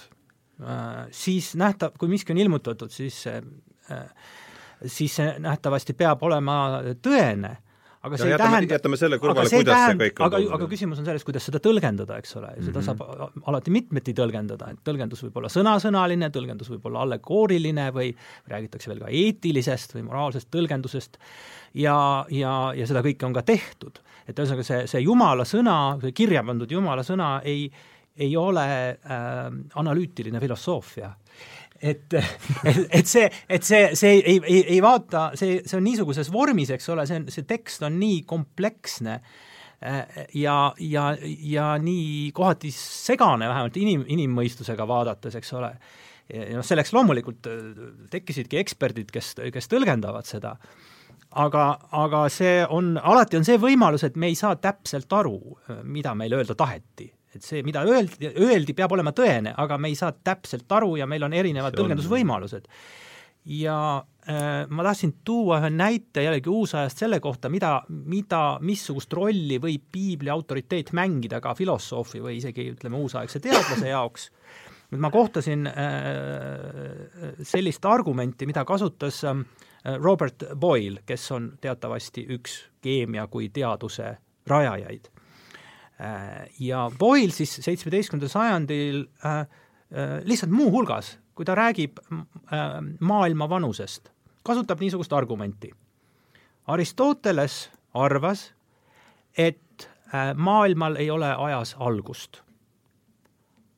aga me teame, et meile on ilmutatud, et maailm loodi ja järelikult me teame, et Aristoteles eksis mm. -hmm no iseenesest see ei ole halb argument. et päris okei okay argument aga see näitab lihtsalt, et noh, nende, nende, nende, nende Kuskile, millelegi, millelegi millelegi sa ju pead toetuma lõpuks, eks. et küsimus on see, et mis äh, vahemärkusena, et ütleme noh, see mõte, et meil on nii-öelda autoriteetne tekst äh,, noh, mis siis kristlike filosoofide puhul on pühakiri, eks ole, millega me peame vastavusse viima siis muud äh, allikad, nagu näiteks ma ei tea, Aristotelese või Avicenna või jumal teab mille, ähm, et see iseenesest, noh, seda võiks ju umbes mõista umbes niimoodi, et selline autoriteedikeskne mõtlemine on kuidagi sellist, mis on seotud ennekõike sellise religioosse traditsiooniga ja mõnes mõttes on see kuidagi filosoofiale võõras, aga tegelikult ütleme, kui me vaatame filosoofia ajalugu, ütleme pärast helenistlikku perioodi või juba helenistliku perioodi ajal, siis mis seal tekib, on selline niinimetatud kommentaatorite traditsioon. Äh, ehk siis äh, suur osa filosoofiast, mis tehakse, on tegelikult kommentaarid äh, Platoni ja Aristotelese tekstidele mm. -hmm. ja, ja ja see, noh, seal ei ole see, noh, osad nendest kommentaatoritest on tõsi küll ka kristlased, nagu näiteks äh,, nagu näiteks Olümpiodorus ja nii edasi. aga osad neist, osad neist muidugi ei ole, osad on lihtsalt neoplatoonikud, nagu Proklos ja nii edasi. et ähm, et aga asja mõte igal juhul on see, et, et sul on äh, sa samamoodi leiad ennast olukorrast, kus filosoofina, eks ole, kus sul on kaks autoriteetset allikat, sul on Platon ja Aristoteles, kes ilmselgelt äh, osades asjades, paljudes asjades ei nõustu omavahel.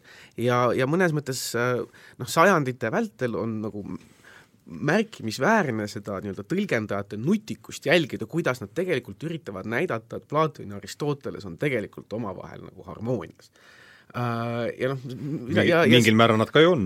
mingi, mingil määral nad kindlasti on, aga no mingil olulisel määral nad kindlasti ei ole, eks ole.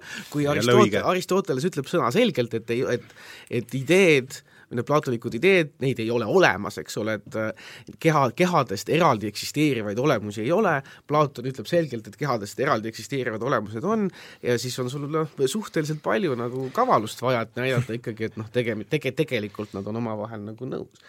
Äh, aga seda nad teevad ja mõnes mõttes see selline tekstide autoriteedi ja tõlgendamisel tuginev traditsioon on vanem kui, vanem kui kristlus olulisel määral, noh sama, sama on ja, nagu judaistlikus traditsioonis ja nii edasi, aga lihtsalt, et see on see nii vana, kui tekstid on, eks? ja mida ma tahtsin osutada lihtsalt, on see, et et äh, paljud inimesed tihtilugu, kui nad mõtlevad filosoofiast, et see on selline noh, autoriteedi prii mõtlemine, noh, Platoni puhul see tõesti on nii, Platon kunagi ei räägi enda nime all üldse, eks ole, ta üritabki lugejat panna mõtlema, lugejat iseseisvalt mõtlema sundida, ta ei esita doktriine.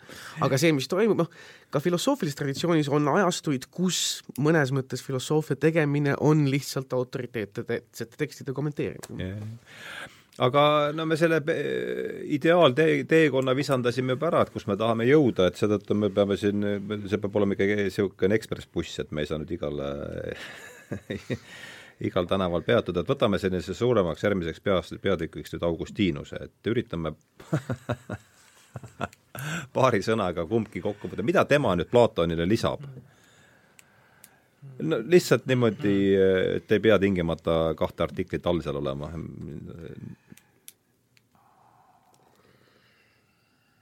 võtame kõige, kõige olulisema kokku, mis sa arvad?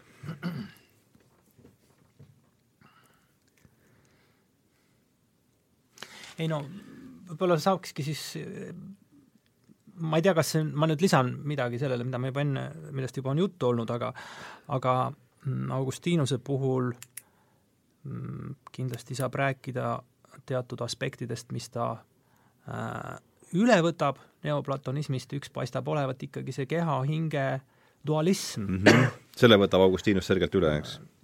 ja, ja, ja ja Augustinuse kohta me teame, et ta tundis väga hästi Platonit, ta luges nii-öelda neoplatoonilisi autoreid, et ta oli klassik-, noh, väga hästi kursis nii-öelda klassikalise filosoofiaga. ja vist oli ka nii, et Augustinuse meelest ikkagi on loo-, loomadel hing, aga ta ei ole ratsionaalne ja, ja Augustinuse hingekäsitlust võib nimetada kindlasti äh, plaatonlikuks või, või, või platonistlikuks, aga noh, samal ajal loomulikult siis tulevadki juurde need teised aspektid äh,, ehk siis noh, kristlikud kristlikud õpetused, et äh, et äh, Augustinuse jaoks jällegi maailm on loodud mm, -hmm noh, see käib nii inimeste kui loomade kui, kui looduse kohta üldiselt ja üks aspekt, äh, mis tuleb ikka nende kristlike mõtlejate juures tagasi, on ikkagi äh, ihulik ülestõusmine, surnuist ülestõusmine. ja see on seotud muidugi sellega, et äh, Uue Testamendi evangeeliumide järgi seda tegi juba Jeesus ise et -hmm. olles surnud ja maha maetud äh, kaljukoopasse, kust teda siis ei leita äh,, ta ilmub äh,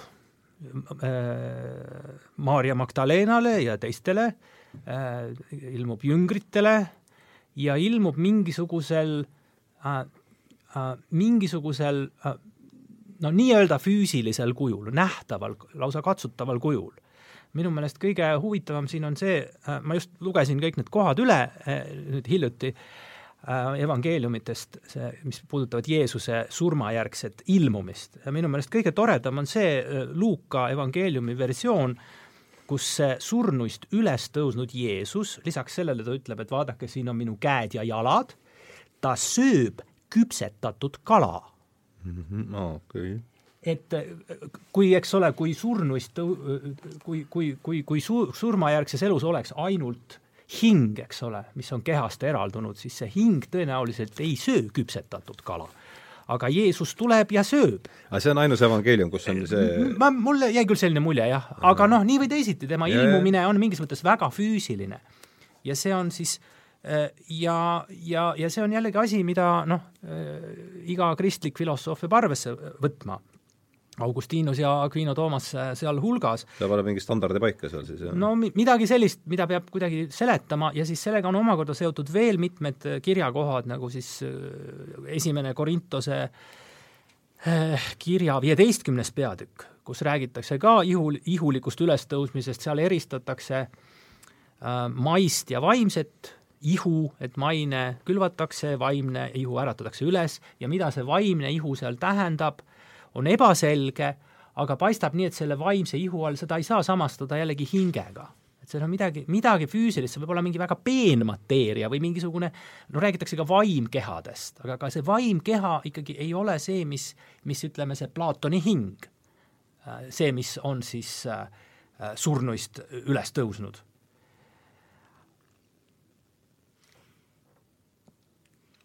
Toomas Augustinusega paar ja siis ma teed, võtaks ühe vaheküsimuse veel vahele siin, aga et on sul Augustinuse ja Pla-, Platoni vahel väga tugevat ekspertiisi ei ole selle koha pealt, aga noh, noh sisuliselt noh, nii palju, nii palju, kui ma mäletan Augustinusest, äh, ongi, ongi see, et noh, tegemist on mingis mõttes noh, olulises mõttes dualistiga, eks ole, et, et hing ja keha, ühesõnaga hing on kehast eraldi see on kõige olulisem, mis ta Platonist teda era-, kaasa ja no mida üld, üleüldse mingis mõttes, nagu ma aru saan, see kristlik traditsioon, kuigi noh, Roometi, tuginedes Roometile, eks ole, siis see on mõnes mõttes ikkagi selline filosoofiline lisandus natukene sellele, mida me leiame tegelikult Uuest Testamendist, kus ei ole seda selget eristust hinge ja keha vahel, eks ole.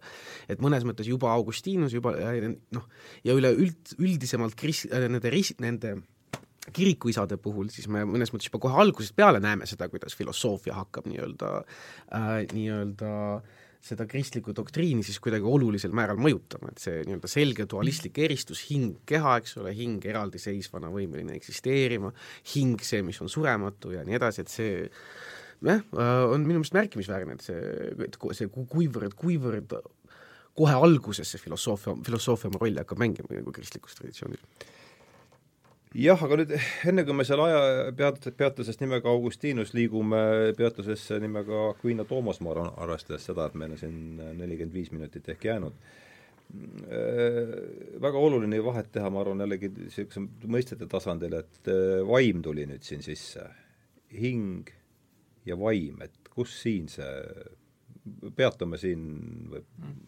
vahest mingiks ma ei tea, minutiks kümneks, see tundub olevat oluline see tundub mul, minu, minu ekspertiisist on see väljas, sest noh, vaim on ennekõike, eks ole, nagu ma saan, püha vaim ja, ja, ja sellega seotud, et aga laseme, las Roomet teeb otsa lahti, vaata, kas sul haakub midagi sellega, mis sa oled kreeklastelt äh, kuulnud.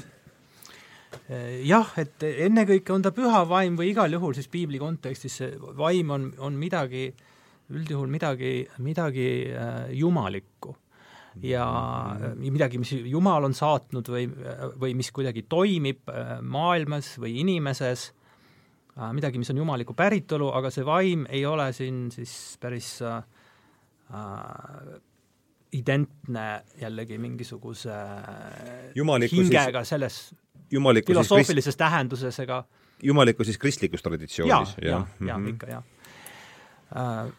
Ja selle Äh, no ühesõnaga, minu meelest, minu meelest on siin, on see probleem ongi selline, et, et see, et see piibellik pärimus oma, oma, seal on nagu, on, on mõistet, mõistestik, äh, mis ei ole äh, filosoofiliselt välja töötatud, eks ole, sest mhm. tegemist on üldse teist tüüpi Just. tekstikogumiga või teist tüüpi tekstide kogumiga, kui on näiteks Platoni dialoogid või, või mis tahes muu filosoofiline asjakäsitlus. ja, ja selleks, et sellest, seda nagu, selleks, et seda ähm, siis sellisesse selgelt formuleeritud äh, doktriini vormi valada äh,, ilmselt on vaja seda äh, proovida filosoofiliselt niimoodi määratleda, et äh, et need, need asjad omavahel kokku klapiksid, aga, aga seda täiuslikku klappi seal ei ole. Need on kaks erinevat traditsiooni, eks no nii näib mulle küll jah, et see äh, ja, ja, ja seetõttu see, see, mida, kõik need, mida ma ka enne mainisin, eks, vaim, keha või, või see vaimne ihu äh, ja, ja siis see roll, mida see jumala vaim mängib erinevates kontekstides piiblis, et selle ühendamine Äh, filosoofilise käsitlusega on, on keeruline mm. -hmm. aga ometigi vaata, Toomas, meil käis siin see vaimufilosoofia, mm, noh, tänapäeval me räägime mm -hmm. philosophy of mind, see on eesti keeles äh, vaimufilosoofia, vaimufilosoofia, eks, et et kui me nüüd sellelt äh, vaimufilosoofia lähtepunktist vaataks tagasi kogu sellele vaidlusele, et mis, milliseid, ja just küsimus on see, et vaim ja hing et, et kuidas no, äh, kuidas no, neid eristada või? ei no hingest tänapäeva vaimufilosoofia ikkagi tegelikult sisuliselt ei räägi, eks ole. kui tegemist see, ei ole just kristliku vaimufilosoofiaga. ja et see, see, mida, see, ütleme, vaim nagu, nagu no, sa õigesti ütlesid, et philosophy of mind, eks ole mm, -hmm. et mhm. see see mind eesti keeles vaimuks tõlkida, et ma tean, et see paarkümmend aastat tagasi oli selle üle suur vaidlus, et kas see oli, vaim jah. on korrektne tõlge mindile selles kontekstis, teine variant oleks meel näiteks. meel ja filosoofia. jah, et ähm, et ühesõnaga siin no teadvus, äh, teadvusfilosoofia, teadvusfilosoofia no aga teadvusfilosoofia on mingis mõttes ikkagi üks alalik vaimufilosoofiast. teadvus on lihtsalt kitsam mõiste äh,. Teadvus mm, -hmm. consciousness on, eks ole, mida noh äh,, üks neid asju, millega vaimufilosoofia tegeleb, muuhulgas, aga mitte ainuke asi sugugi mm -hmm. mitte. et noh, et aga ütleme, see umbes küsimused nagu, et äh, kas äh,, kuivõrd on näiteks teadvus ajust sõltumatu, milline on teadvuse ja aju seisundite vaheline seos ja nii edasi, Äh, küsimused nagu millisugust, millist laadi kognitiivsed võimed meil on, kuidas nad on omavahel seostatud, mis on uskumuse ja taju omavaheline seos ja nii edasi, et need kõik on vaimufilosoofia küsimused ja noh, need on sisuliselt kõik küsimused, mis vähemalt ütleme antiigis ja noh, tegelikult ikka ka uusajas ka laias laastus äh, mida käsitleti just nimelt nii-öelda selle nii-öelda hinge kontekstis, eks ole, et lihtsalt mm, -hmm. äh, lihtsalt äh, no mingisuguses mõttes see hing äh, ütleme, see, mis ta oli antiigis, kus ta oli teatud mõttes see nii-öelda eluprintsiip, selles mõttes, et kõik, mis nii-öelda elab, see, mis annab elu, äh, see, see, mis muudab keha elavaks, on hing, see, mis nii-öelda tajub, mõtleb, on hing ja nii edasi, et see natuke kaaperdati tegelikult see nii-öelda kristlikute mõtlejate poolt ja see muutus nagu see sõna soul, sõna hing ja nii edasi, et me tihti no tuleb automaatselt mingisugust laadi nii-öelda seos kristliku traditsiooniga ja seetõttu nagu tänapäeva vaimufilosoofias lihtsalt no välditakse seda mõistet, et see, need konnotatsioonid konnotatsioonid on lihtsalt teistsugused, et see, see, mis meid huvitab vaimufilosoofias, ei ole mitte kuidagi seotud Jumala või millegi sellise, mingisuguse sellise asjaga.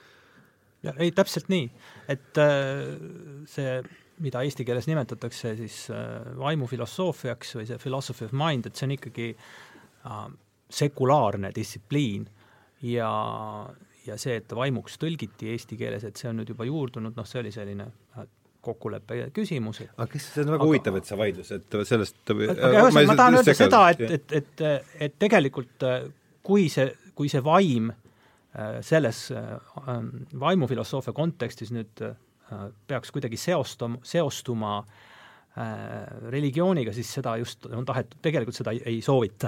ja, ja sa, ja see on ka põhjus, miks ei soovita kasutada selles kontekstis sõna hing, sest sõnal hing on ka religioossed kaastähendused et mõeldakse ikkagi jah, lihtsalt eesti keeles ei olnud selleks nagu ja see on, see sobivat on, sõna, see mind'i tõlkimiseks. see on lihtsalt see, miks inglise keeles on mind siis kasutusele võetud. ja mind on ikka täiesti, täiesti, just, täiesti ikkagi sekulaarne, et see no see taust on muidugi mingil määral ka saksa see Geist, eks ole, et kui meil on Hegeli fenomenologiides Geistes näiteks ja nii edasi, et see, see läheb osaliselt sinna tagasi, et aga paari sõnaga, see on huvitav, meil oli siis kakskümmend aastat tagasi vaidlus, kuidas Philosophy of Mind'i tõlkida eesti keelde või? kes seal olid seal siis niimoodi kangemad vaidlejad? ma ei tea, meil oleme luba, on lubatud meil äh, nimeliselt just, ei no, ei no ühesõnaga see no,, see, see seltskond, kes oli Eesti, selle analüütilise filosoofia seltsi ümber, et Jaan Kangilaski, Bruno Mölder, Madis Kõiv ja nii edasi. Tiiu Hallap võttis ka ja. sõna. ja mis olid alternatiivsed variandid? no oligi meel vist enne. meel, meel, teadvus mida pakuti väga palju rohkem variante ei olegi. kas selle kohta on mingit artiklit kusagilt niimoodi soovitada? oli poleemikat akadeemias minu arust Aha. sel teemal, aga noh, ma peast noh, see jah, siis ja. leiab üles, et paarkümmend aastat tagasi oli siis vaidlus selle üle? oli, oli küll, jah. väga huvitav. nii, aga, aga ütleme siis ahah, okei, see, see sõna, mis ma siin, või see mõte, mis ma nüüd Toomalt nüüd üles noppisin, on see, et tänapäevases vaimufilosoofias käsitlevad, käsitletavaid küsimusi vaadati antiigis hinge kontekstis. see on põhimõtteliselt niimoodi, okei. Okay.. aga mida siis, äh, kuidas nüüd läheb Platon? Äh, noh, selge see, et sellest, sellest on siin juba juttu, et Aquino võtab endale aluseks loomulikult Aristotelese ja nii palju, kui seal Platonit on, tuleb ta sealt läbi Aristotelese.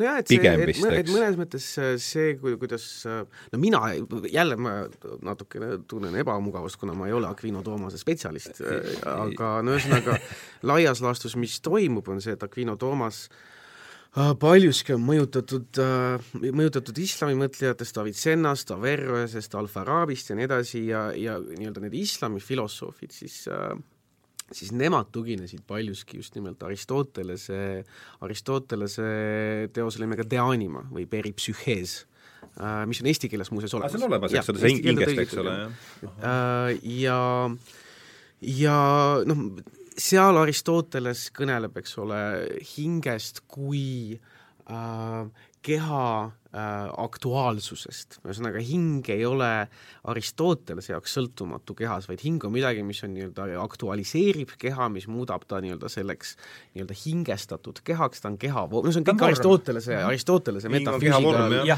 läbistatud, et selles mõttes seda niimoodi kahe sõnaga siin on väga raske seletada. ja noh, siis Aristoteles mingi, räägib ka mingisuguses kontekstis nagu universaalsest intellektist, mis on kuidagimoodi sõltumatu nii-öelda, nii-öelda individuaalsetest intellektidest, siis ta räägib sellest nii-öelda mõistuslikust puhtast äh, intellektist äh, De Anima kolm viies, mis, kus ta viitab, et see võiks olla surematu.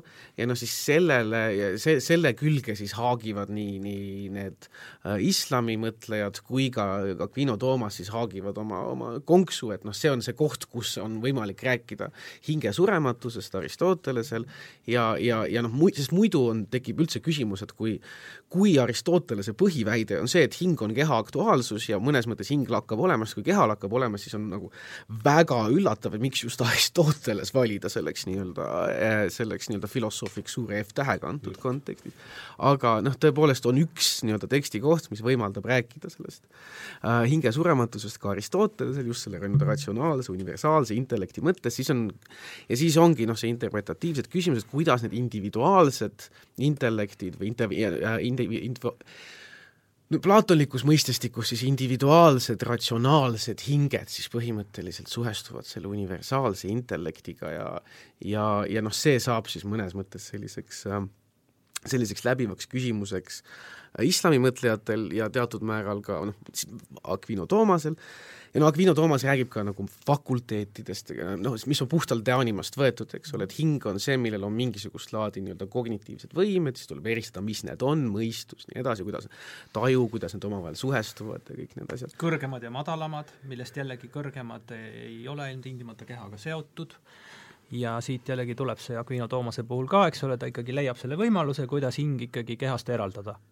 kuigi ta on mõistetud keha vormina nagu Aristotelesel. no siin on taga hästi keeruline selline metafüüsika, mis on noh, juba Aristotelesel on ta keeruline ja siis Aquino Toomasel on ta mõnes mõttes veel keerulisem.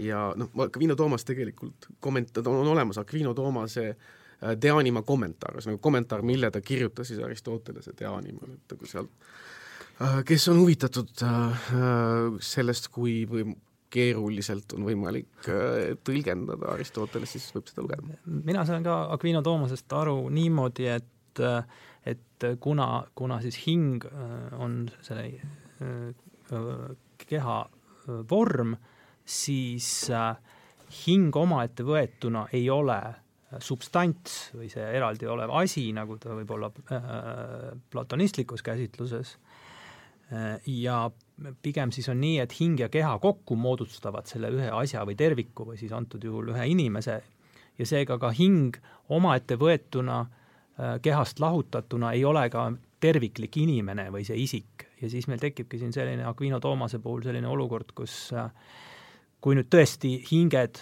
kehast lahutatakse ja lahutada nad tuleb pärast surma, äh, et siis mõnes mõttes see kehast lahutatud hing või see, mis tast järel on, selles olekus on, ta on, ta on ebatäiuslik. aga selles siis äh, religioosses võtmes siis saab selle jällegi niimoodi lahendada, et et kui tuleb äh, surnute ülestõusmine ja see kehast eraldunud hing pannakse kokku ülestõusmiskehaga, siis on tegemist meil jälle tervikliku isiku ja inimesega. ahah, ta seob niimoodi selle asja ära siis nojah, mis tal muud üle jääb, sest see, see ülestõusmise maamärk on nii selgelt paigas, et selle, sellest ei saa kuidagi ta üle ega ümber, jah. Ja. aga mis on mõnes mõttes, ma, ma eeldan, et Aristi Roomet juba räägib natuke Descartesist selles kontekstis, aga, on... aga see nii-öelda Aristoteleselt pärinev ja siis Aquino Toomasesse, Toomase juurde jõudev see hinge ja keha teatav selline vahetusseos, eks ole, kus hing on keha vorm või tema nii-öelda aktualiseeritus või umbes midagi sellelaadset. et see on see, moodustab ikkagi teatud mõttes nagu orgaanilise ühtsuse, eks ole. ja nüüd see uusajal siis äh, teatud mõttes nagu Descartesi Descartesi puhul Lööb seatakse lahku siis jälle. noh, noh, ta problematiseeritakse. ta lööb lahku jälle, eks ole, sisuliselt. et, et et no mõnes mõttes me võime Platoni puhul rääkida dualismist, eks ole, aga aga see dualism on ikkagi midagi sellist, kus hing on see, mis paneb keha liikuma, hing on, hing on mingisuguses mõttes sellise liikuva elusa keha selline printsiip, eks ole mm, -hmm. see aga samas lahutatav. ta on lahutatav, aga või noh, vähemalt see ratsionaalne osa on sellest mm -hmm. lahutatav, eks ole. Aga nad kuuluvad ikkagi teatud mõttes, moodustavad samuti sellise orgaanilise kuigi problemaatilise nagu ühtsuse, siis äh, see, mis toimub mõnes mõttes Descartil, äh, mis noh, eraldub või kuidagimoodi nagu distantseerib siis ennast äh, sellisest skolastilisest traditsioonist, on just nimelt see, et, et hing ja keha on kaks substantsi, kes on lihtsalt pooleldi nagu juhuslikult ühes kohas enam-vähem. käbine, käbinäärmest saavad käbinäärme kaudu, aga, aga, aga see tekitab nagu sellise fundamentaalse probleemi, et kui nad on nagu, nagu täiesti erinevad substantsid, siis kuidas nad nagu omavahel suhtlevad äh,, kuidas saab hing keha mõjutada, kuigi see küsimus oli muuseas juba ka stoikutel. et kuidas, et kui stoikud ütlesid, et, et okei okay,, et kui äh, hing on midagi sellist, mis on immateriaalne, aga ometi ta liigutab kehasid, siis kuidas võib immateriaalne asi liigutada materiaalset asja? järelikult hing ei ole ma-, immateriaalne, eks ole, oli stoikute argument mm. -hmm. ja no mõnes mõttes, aga, aga Descartesi puhul siis meil on tõesti selline terav vastandus, ühest küljest on see nii-öelda teadvusmaailm, eks ole, see, mida me sisekaemuses nii-öelda tajume ja teisest küljest on meil siis lihtsalt need kehad nagu ruumili-, ulatuslikud kehad ja see, kuidas nad omavahel kokku kuuluvad ja kas nad üldse kuuluvad, muutus selliseks tsentraalseks küsimuseks noh, tänapäeva vaimufilosoofias välja, et siin Roomet kindlasti oskab sellest rohkem rääkida. ei no ma tahan ainult lisada, et ega noh, Descartes räägib hinge ja keha kokkukuulumisest ja ühtsusest mingis mõttes ka, aga samal ajal on tõesti nii, et see, see lõhe jääb ületamata mille ta ise tekitab hinge ja keha vahel. Need on ikkagi kaks asja ja väga selgelt eristatud, eri tüüpi erinevate omadustega ja üks ei ole kunagi teine nii et Descartes tuleb siis sisuliselt ikkagi Platoni juurde, kui me vaatame niimoodi, tuleb ju Platoni juurde tagasi, dualist, dualist tuleb tagasi. ega see on natuke teistlaadne no loomulikult teist, jah, ta on ju uuel, aga keskendu palun sellele erinevusele. oh Jeesus Maria Joosep ähm, no põhimõtteliselt ähm, äh, see, kuidas mina Descartesist aru saan ja noh, ma pean tunnistama, et ma no, ei aga... ole nii-öelda mingisugune, mingisugune spetsialist Descartesi alal, on ikkagi see, et sul on põhimõtteliselt nagu kaks fundamentaalselt nii-öelda erinevat olemise sfääri. et üks, üks olemise sfäär on see nii-öelda teadvuslik, see nii-öelda, mida me kogeme sisekaemuses, mida me, kuidas me nii-öelda tajume ennast maailma nägevas ja see, mis, mida me nimetame mõnes mõttes nagu teadvusel olemiseks, eks ole. et see nii-öelda seesmine subjektiivne sfäär ja sellele siis vastandub see nii-öelda kehaline äh, puhtalt selline ruumilis-ulatuslik sfäär. ja noh, see ja see, ja see vastandus on nüüd väga erinev sellest, ütleme, Platonist, selles tähenduses, et Platoni jaoks kehalisus ei ole esiteks seotud üldse ruumilisusega selles tähenduses, nagu ta, nagu ta on äh,, on Descartesil. Äh,, kõik, kõik, mida Platon mõnes mõttes tahab öelda, on see, et, et hing saab eksisteerida eraldi kehast, aga ta, ta ei, tema jaoks ei ole keskne see, et meil on sellised kaks olemistasandit mis, mis Descartesi jaoks on keskne, et see on, no on see umbes enam-vähem korrektne? no tal on need kaks, tal on ju kaks erinevat olemise tasandit ju küll vast, et see vormide üksiknähtuste no aga siin, see on aga see on eri, aga see on jah, täiesti jah, see on täiesti erinev. ja, ja noh, siin on noh, see, kuidas, eks ole, sisuliselt me saame vaadata üksikasju kui asju, mis võtavad ideedest osa, eks ole, et see, et see konkreetne laud on valge, noh, väga mingisuguses natuke banaliseeritud Platoni käsitlused, et ta on valge sellepärast, et ta võlg võtab osa valge ideest, eks ole, ta on nelja, nelinurkne sellepärast, et ta võtab osa, ühesõnaga kõik omadused, mis üksikasjadel on, on neil sellepärast, et nad on mingisuguses osavõtus nendest nii-öelda universaalidest, eks ole. Mm. -hmm. et äh, see, seetõttu seal ei tek-, noh, Platonil tekib probleem sellega seoses, kuidas täpselt see nagu välja näeb, see osavõtt, eks ole, ja see mm -hmm. ja noh, mõnes mõttes äh, noh, kui nüüd väga pingutada, siis võib võib-olla öelda, et tõepoolest see dualism, mis tekitab probleemi Descartesile, pigem sarnaneb Platoni puhul dual-, dualismiga siis tõesti nende üksikasjade ideede vahel ja mitte niivõrd hinge ja keha vahel. just. et äh, selles mõttes see, see näib korrektne, sest Platoni ja, jaoks on tõepoolest nagu muutub üha rohkem painavamaks see küsimus, et okei okay,, et noh, et me räägime me räägime sellest, et mingisugune asi võtab osa millestki, mida see tähendab, see osavõtmine, siis me räägime, et ta jäljendab midagi, mida see tähendab. Ja noh, Platon ise dialoogis Parmenides võtabki ette kõik need nii-öelda metafoorid ja mõnes mõttes saabki selgeks, et et me ei suuda adekvaatselt seletada seda, mis see üksikasjade ideede vahekord on. Ja, ja ja seetõttu noh, paljud arvavad, et hiline Platon üldse hülgab ideede õpetuse, kuna ta ei suuda nagu seletada seda, selle kahe tasandi omavahelist seost. Just Parmenideses, eks? jah võib-olla siin on küsimus ka ilmselt ongi muuhulgas selles, et mida kujutab endast see füüsiline või kehaline maailm, siis Platoni jaoks või vastavalt siis Descartesi või mõne teise uusaegse filosoofi jaoks, sest üks mm -hmm. asi, mis, mis varasel uusajal toimub, on atomismi taastulek ja ühes platonismiga, eks ole? No kuidas kellelgi ja., jah, aga, aga ühesõnaga laiemas aga ma pean, ma pean just silmas jah, sellist looduse käsitlust, kus kus nähakse äh, loodust äh, ennekõike mingisuguse äh, osakeste, osakeste koostoimes oleva masinavärgina ja siis see hing on midagi ja Descartesi puhul tuleb see ka hästi esile, see hing on midagi mõnes mõttes selles masinavärgis on ta peaaegu üleliigne.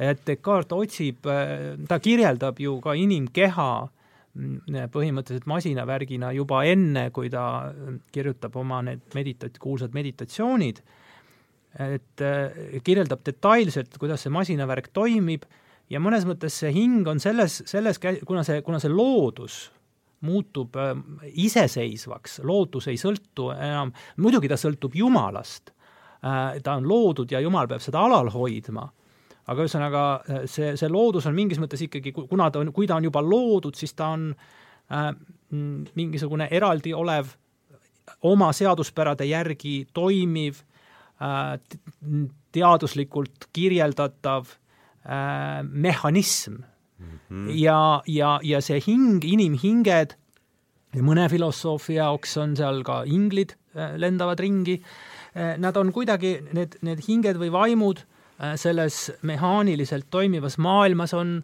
kuidagi, no nad on kummituslikud või nad mõnes mõttes ei sobi hästi sellesse maailma ja noh, hop-, hops ajaski nad täielikult sealt välja, igasugused mittemateriaalsed hinged või vaimud.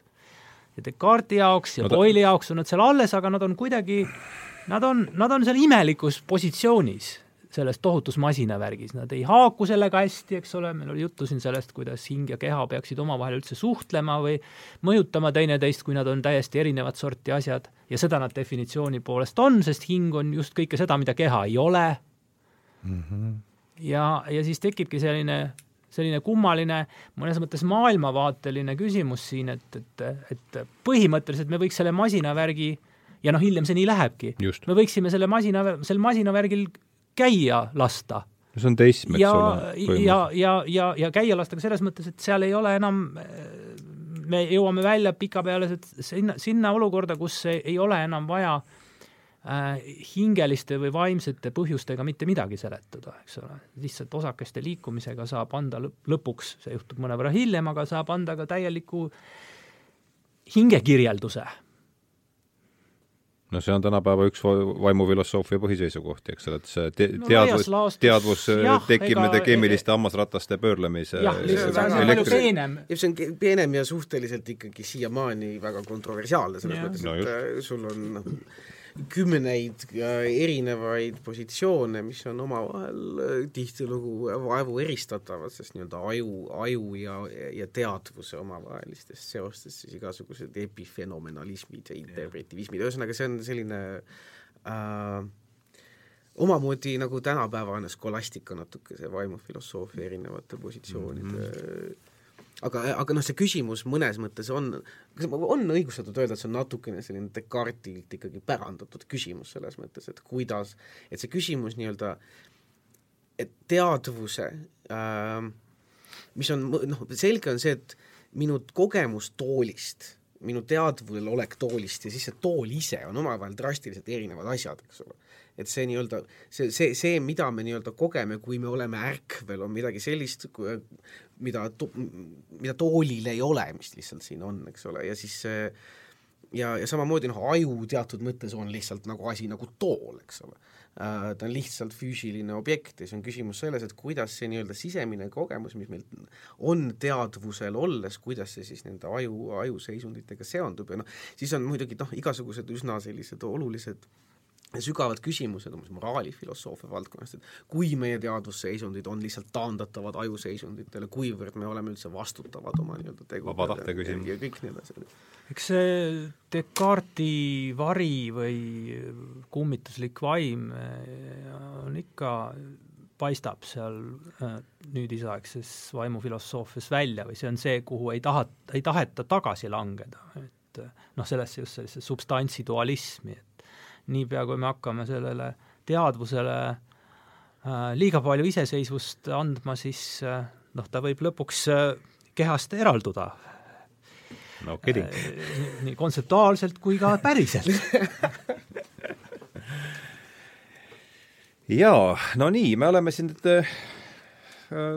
tund kolmkümmend kuus näitab minu see mm, stopper siin, et et ta on nüüd, äh, see annab märku sellest, et ühel hetkel saabub jutuajamisele ka lõpp.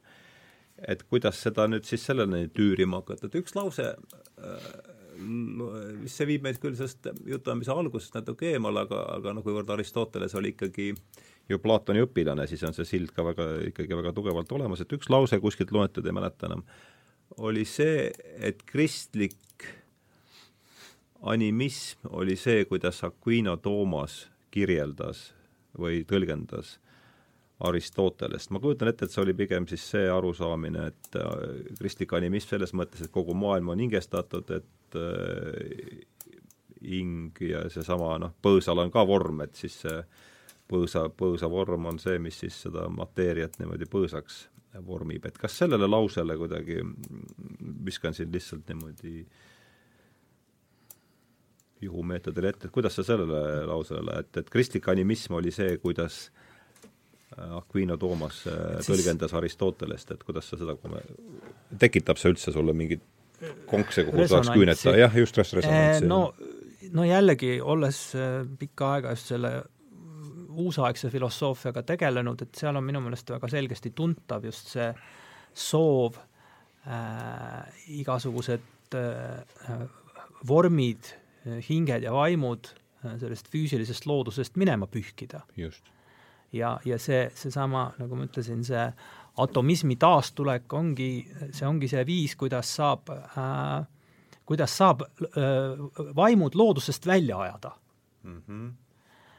Et ei ole põõsal enam äh, vormi äh, ja noh, Descartesi jaoks äh, äh, ei ole loomal enam hingegi ja kõik see äh, taandub looduses mingisuguste füüsiliste osakeste liikumiseni, et need mateeria käsitlusi oli erinevaid, kõik ei olnud atomistid, vaieldi selle üle äh, seitsmeteistkümnendal sajandil ja veel kaheksateistkümnenda sajandi alguses, et kas mateeria on lõpmatuseni jagatav või mitte, seal oli erinevaid positsioone, aga, aga nii või teisiti see, see vaimude väljaajamine loodusest mm -hmm. on minu meelest küll üks niisugusi äh, märgilisi protsesse varauusaja filosoofias ja teisest küljest olid siis sellised filosoofid nagu Henry Moore ja mõned teised platonistid, kes püüdsid sellele vastu seista, püüdsid anda äh,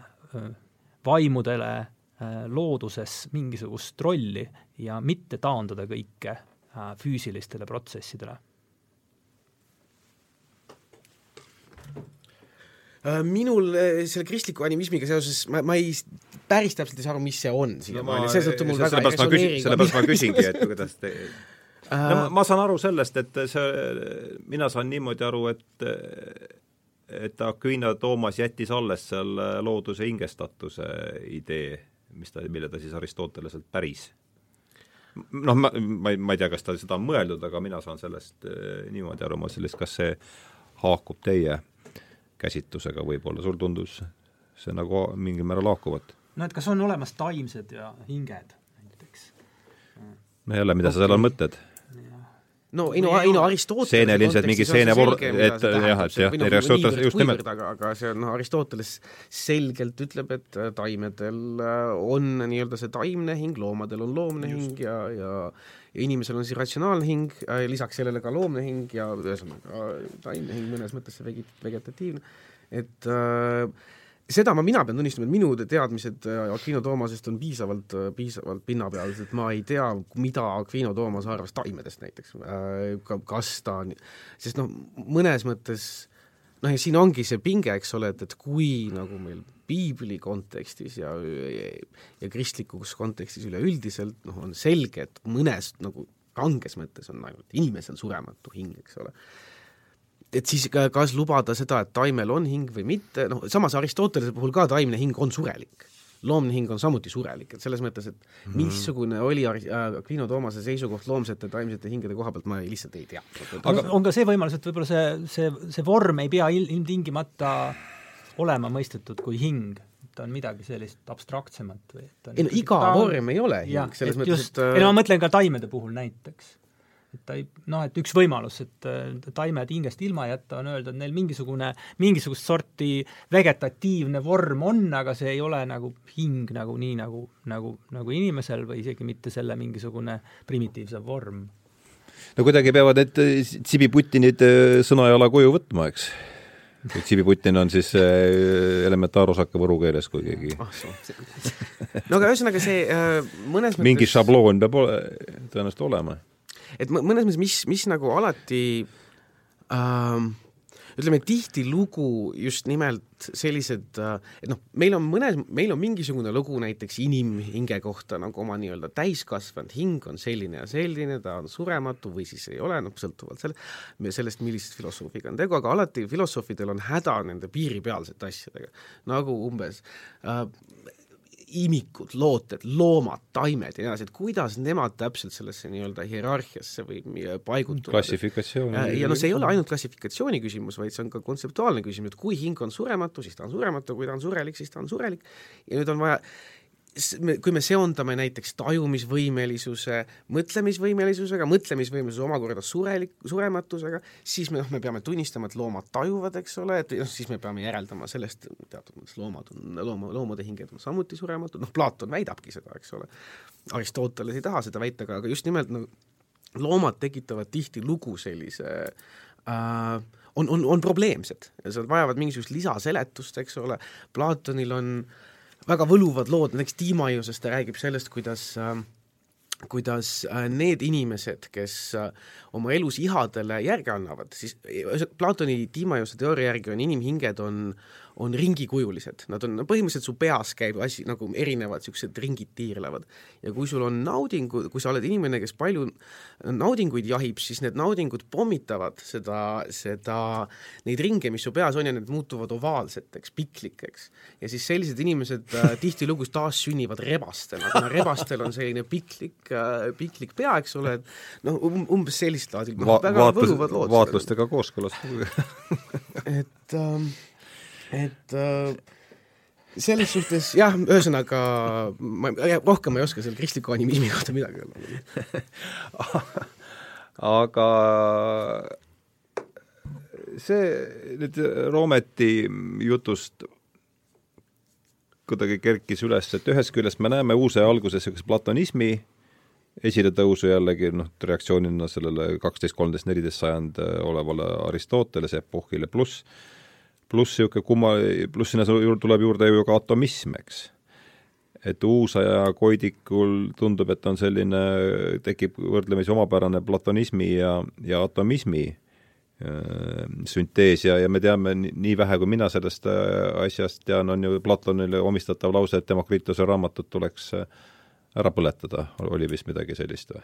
minu teada ta ei ole midagi sellist. mina seda olen, väidan, ole huvitav, et seda, seda ma väidan äh, justkui on, jah, selle peale ma oleks isegi valmis kihla vedada, ma olen seda kuskilt lugenud, mida see muide, kus see täpselt oli, seda aga huvitav, sul ei ole meelde, mina, ma mõtlesin, et mina on..., minu teada Platon järsku oli, järsku oli isegi, järsku oli isegi Kolakovskil see kusagil kirjas selles ei no selles suhtes, ega no, mul kogu vaid... Platon peas ja, ei ole. ja, ja muidugi aga, aga noh, selge see, et ega neil omavahel ju suurt no temperamendi poolest ja vaadete poolest ega Demokritose ja Platoni lugu väga kokku ei lähe või? Pla-, demok-, Demokritos on minu meelest üks, üks selliseid filosoofe, kellele Platon nagu väga ei reageeri, selles mõttes, et no tõsi ta on, et et Demokrituse tsentraalne väide, eks ole, et kõik on kehaline, nimelt aatm-, aatomitest koosnev, on midagi sellist, mis Platoni filosoofiaga kooskõlaline ei ole, aga samas äh, äh, samas Platoni jaoks ei ole probleem pidevalt polemiseerida filosoofidega, kes temaga samamoodi ei arva, et ta teeb seda pidevalt ja minu meelest suure naudinguga. kas Demokrit-, kas Demokritus astub tema näidendites üles üldse või, või äh, tegelasena küll mitte, mitte. Äh, teda siin-seal minu meelest paar korda mainitakse, aga mitte, mitte kuidagi väga sellises äh, äh, väga keskses rollis, et Demokritos on jah üks selline, üks, üks neid filosoofe, kes on äh, Platoniga no mitte väga palju varasem Platonist, kellele Platon väga olulisel määral minu meelest ei, ei, ei viita. aga Roomet, nüüd see atomismi ja platonismi niisugune süntees uusaja kuidikul? ja ma jäin selle üle mõtisklema, no muidugi need on jällegi väga noh, maalingud väga suure pintsliga no,, sest neid mis meil üle jääb, siin on et selles mõttes, et, et rääkida, et ühel sellisel ajastul mingi saja aasta jooksul toimub selline suur süntees, eks ole, sõltub, keda me parasjagu vaatame, et seal on terved igasugused erinevad koolkonnad, suundumused äh,, tavaliselt, eks ole, nendes perioodides joonistuvad välja või tuuakse välja mõned kesksed kujud, keda me võtame, kelle põhjal me teeme üldistusi, et pilt on muidugi alati palju kirjum aga öelda. üks aspekt, millele kindlasti tasub osutada ja millest me ei ole täna rääkinud ja see seostub tegelikult ikkagi selle uusaegse vastuseisuga aristotellikule äh, filosoofiale äh, kristlikus võtmes äh, ja see on reformatsioon et ikkagi äh, suur osa või suurem osa nendest äh,, nendest äh, inimestest äh, varauusajal, kellest saavad, eriti muidugi Inglismaal ka, eks ole, äh, see äh, Londoni kuninglik selts ja inimesed, kellest saavad selle uusaegse teaduse aluspanijad äh,, nad on paljud, paljud või enamus neist on protestandid ja, ja see Aristotelesele vastuhakkamine on äh, mõnes mõttes äh, ka ideoloogiline.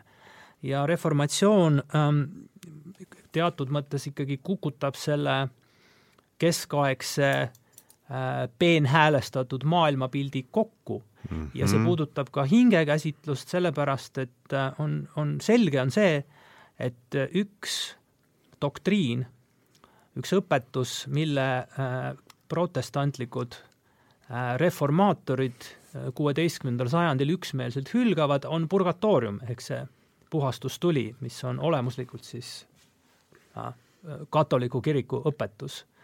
ja, ja purgatoorium kui puhastustuli, ehk siis kus siis see koht või seisund või, või kuidas seda iganes tõlgendada, kuhu lähevad need hinged mm, pärast surma, kes äh, Äh, on sooritanud andestatavaid pattusid, äh, millest nad seal puhtaks põlevad, nii et nad jõuavad sealt lõpuks rõõmsalt kõik taevasse. et kui nüüd sellest doktriinist lahti öelda, see puudutab surmajärgse elu äh, kirjeldamist ja ettekujutamist, kui sellest lahti öelda, siis tekib täiesti loomulik küsimus ja see on loomulik küsimus kõigi protestantide jaoks. kui purgatooriumi ei ole, siis kuhu hinged lähevad äh, mm? -hmm. ja see avab äh, sellise laeka, kust hakkab väljuma hulganisti erinevaid käsitlusi selle uh -huh. kohta, mis hingest saab pärast surma, siis protestantlikke käsitlusi. Äh, enamusel äh, varauusaegsetest filosoofidest äh, olid selle kohta ka vaated, seisukohad see on nüüd niisugune Pandora laegas täiesti, see, seal on võimalusi mitmesuguseid, noh nagu oli jutt, eks ole, Hobbesist kui kristlikust materjalistist, kelle jaoks mm, kehast eraldatavat hinge üldse ei ole, teine võimalus on see, et hing äh, ihu surma ja surnuist ülestõusmise vahepeal äh, magab, ta on nagu nii-öelda ontoloogilises mõttes olemas, aga ta ei ole teadvusel ja pärast äratatakse üles mm. -hmm. ja siis on võimalus, et äh, et äh, hing on just niimoodi plaatonlikult mõistetud substants, mis nii-öelda suudab kehast eralduda äh, surmahetkel, aga siis, kui purgatooriumi ei ole, no siis ta peab olema mingisuguses teistsuguses äh, kohas hingede residentsis. Mm, -hmm. mis ei ole päris see, mis on katoliku kiriku õpetuses, aga on selle mingisugune aseaine, kus hinged elavad siis taeva ja põrgu eelootuses ja nüüd purgatooriumi kontsest äh, loobumine, see oli omakorda ju mingil määral kvalifikatsiooni kaotanud majandusteadlasena, ma siin, äh, tundub mulle, et see oli omakorda niisugune makro, makroökonoomiline küsimus, sest see oli seotud ju avaliku sektori rahandusega äh, paljuski, eks, indulgentside ja kogu see teema on see, mis purgatooriumi kaotamist see on sellega seotud küll, jah. see on jah ja, ja., kas nüüd peamine põhjus, aga üks väga mõjukatest põhjustest, ma kujutan ette. Ja oli küll nii, jah. Et äh, see on huvitav, jah. ja see, näe, see on, ütlesime päris sest indulgentside puhul on just tegemist nende, nende hingede kannatuste leevendamisega, äh, kes siis on seal ajutises, ajutises äh, ahjus jah, see on huvitav, et mul on meele jäänud, meelde jäänud sellest Le Coffi keskaja Euroopa kultuurist, et ta ütleb, et siis kaheteistkümnenda sajandi künnisel, kui Aquino tuleb, et toimub oluline muutus teispoolsuse geograafias, et tuuakse see purgatooriumi eh, idee sisse ja, ja uusaja koidikul, koidikul öeldakse selle lahti, et see on väga-väga huvitav, et väärib kindlasti omaette eh, vestlusringi.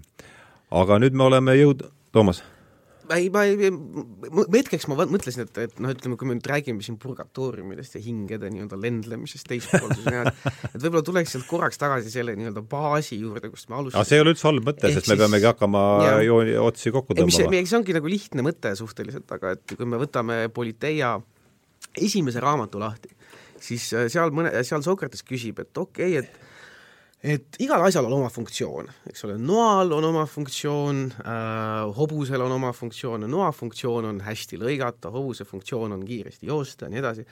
Ähm,, ja kui asjal on funktsioon, siis tal on ka oma mingisugust laadi loomutäius, eks ole, et kui noa funktsioon on hästi lõigata, siis tema loomutäius on olla terav või umbes midagi sellelaadset.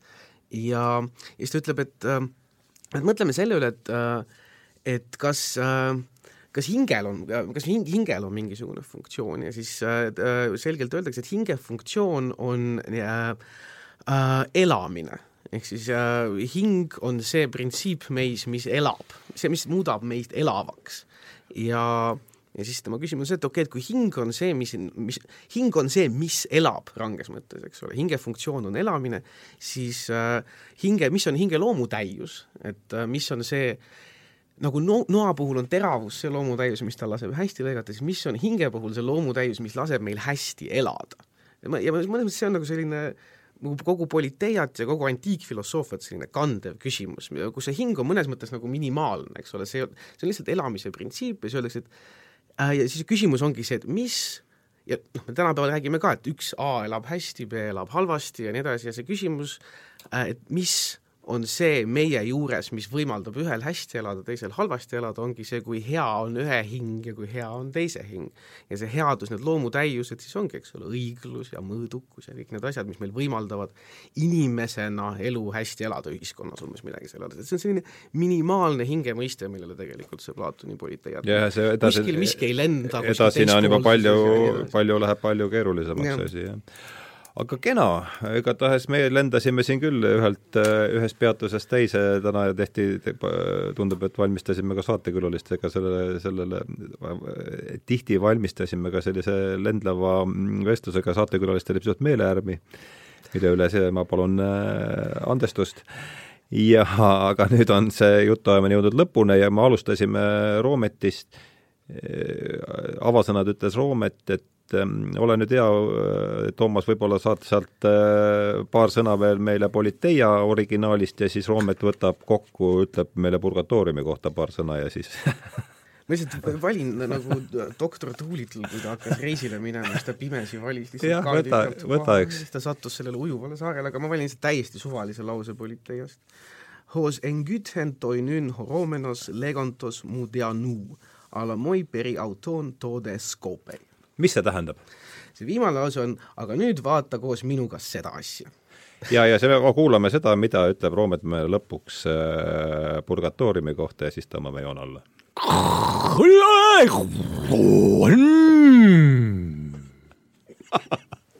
Nonii, see oli see oli siis Tähenduse teejuhtide täna stuudios olnud kolmiku ametlik seisukoht äh, purgatooriumi küsimuses ja ma tänan teid äh, saatesse tulemast, Roomet Jakobi, Toomas äh, Lott, rääkisime täna, alustasime siis erimüüdist Platoni politeiast ja jõudsime välja purgatooriumini.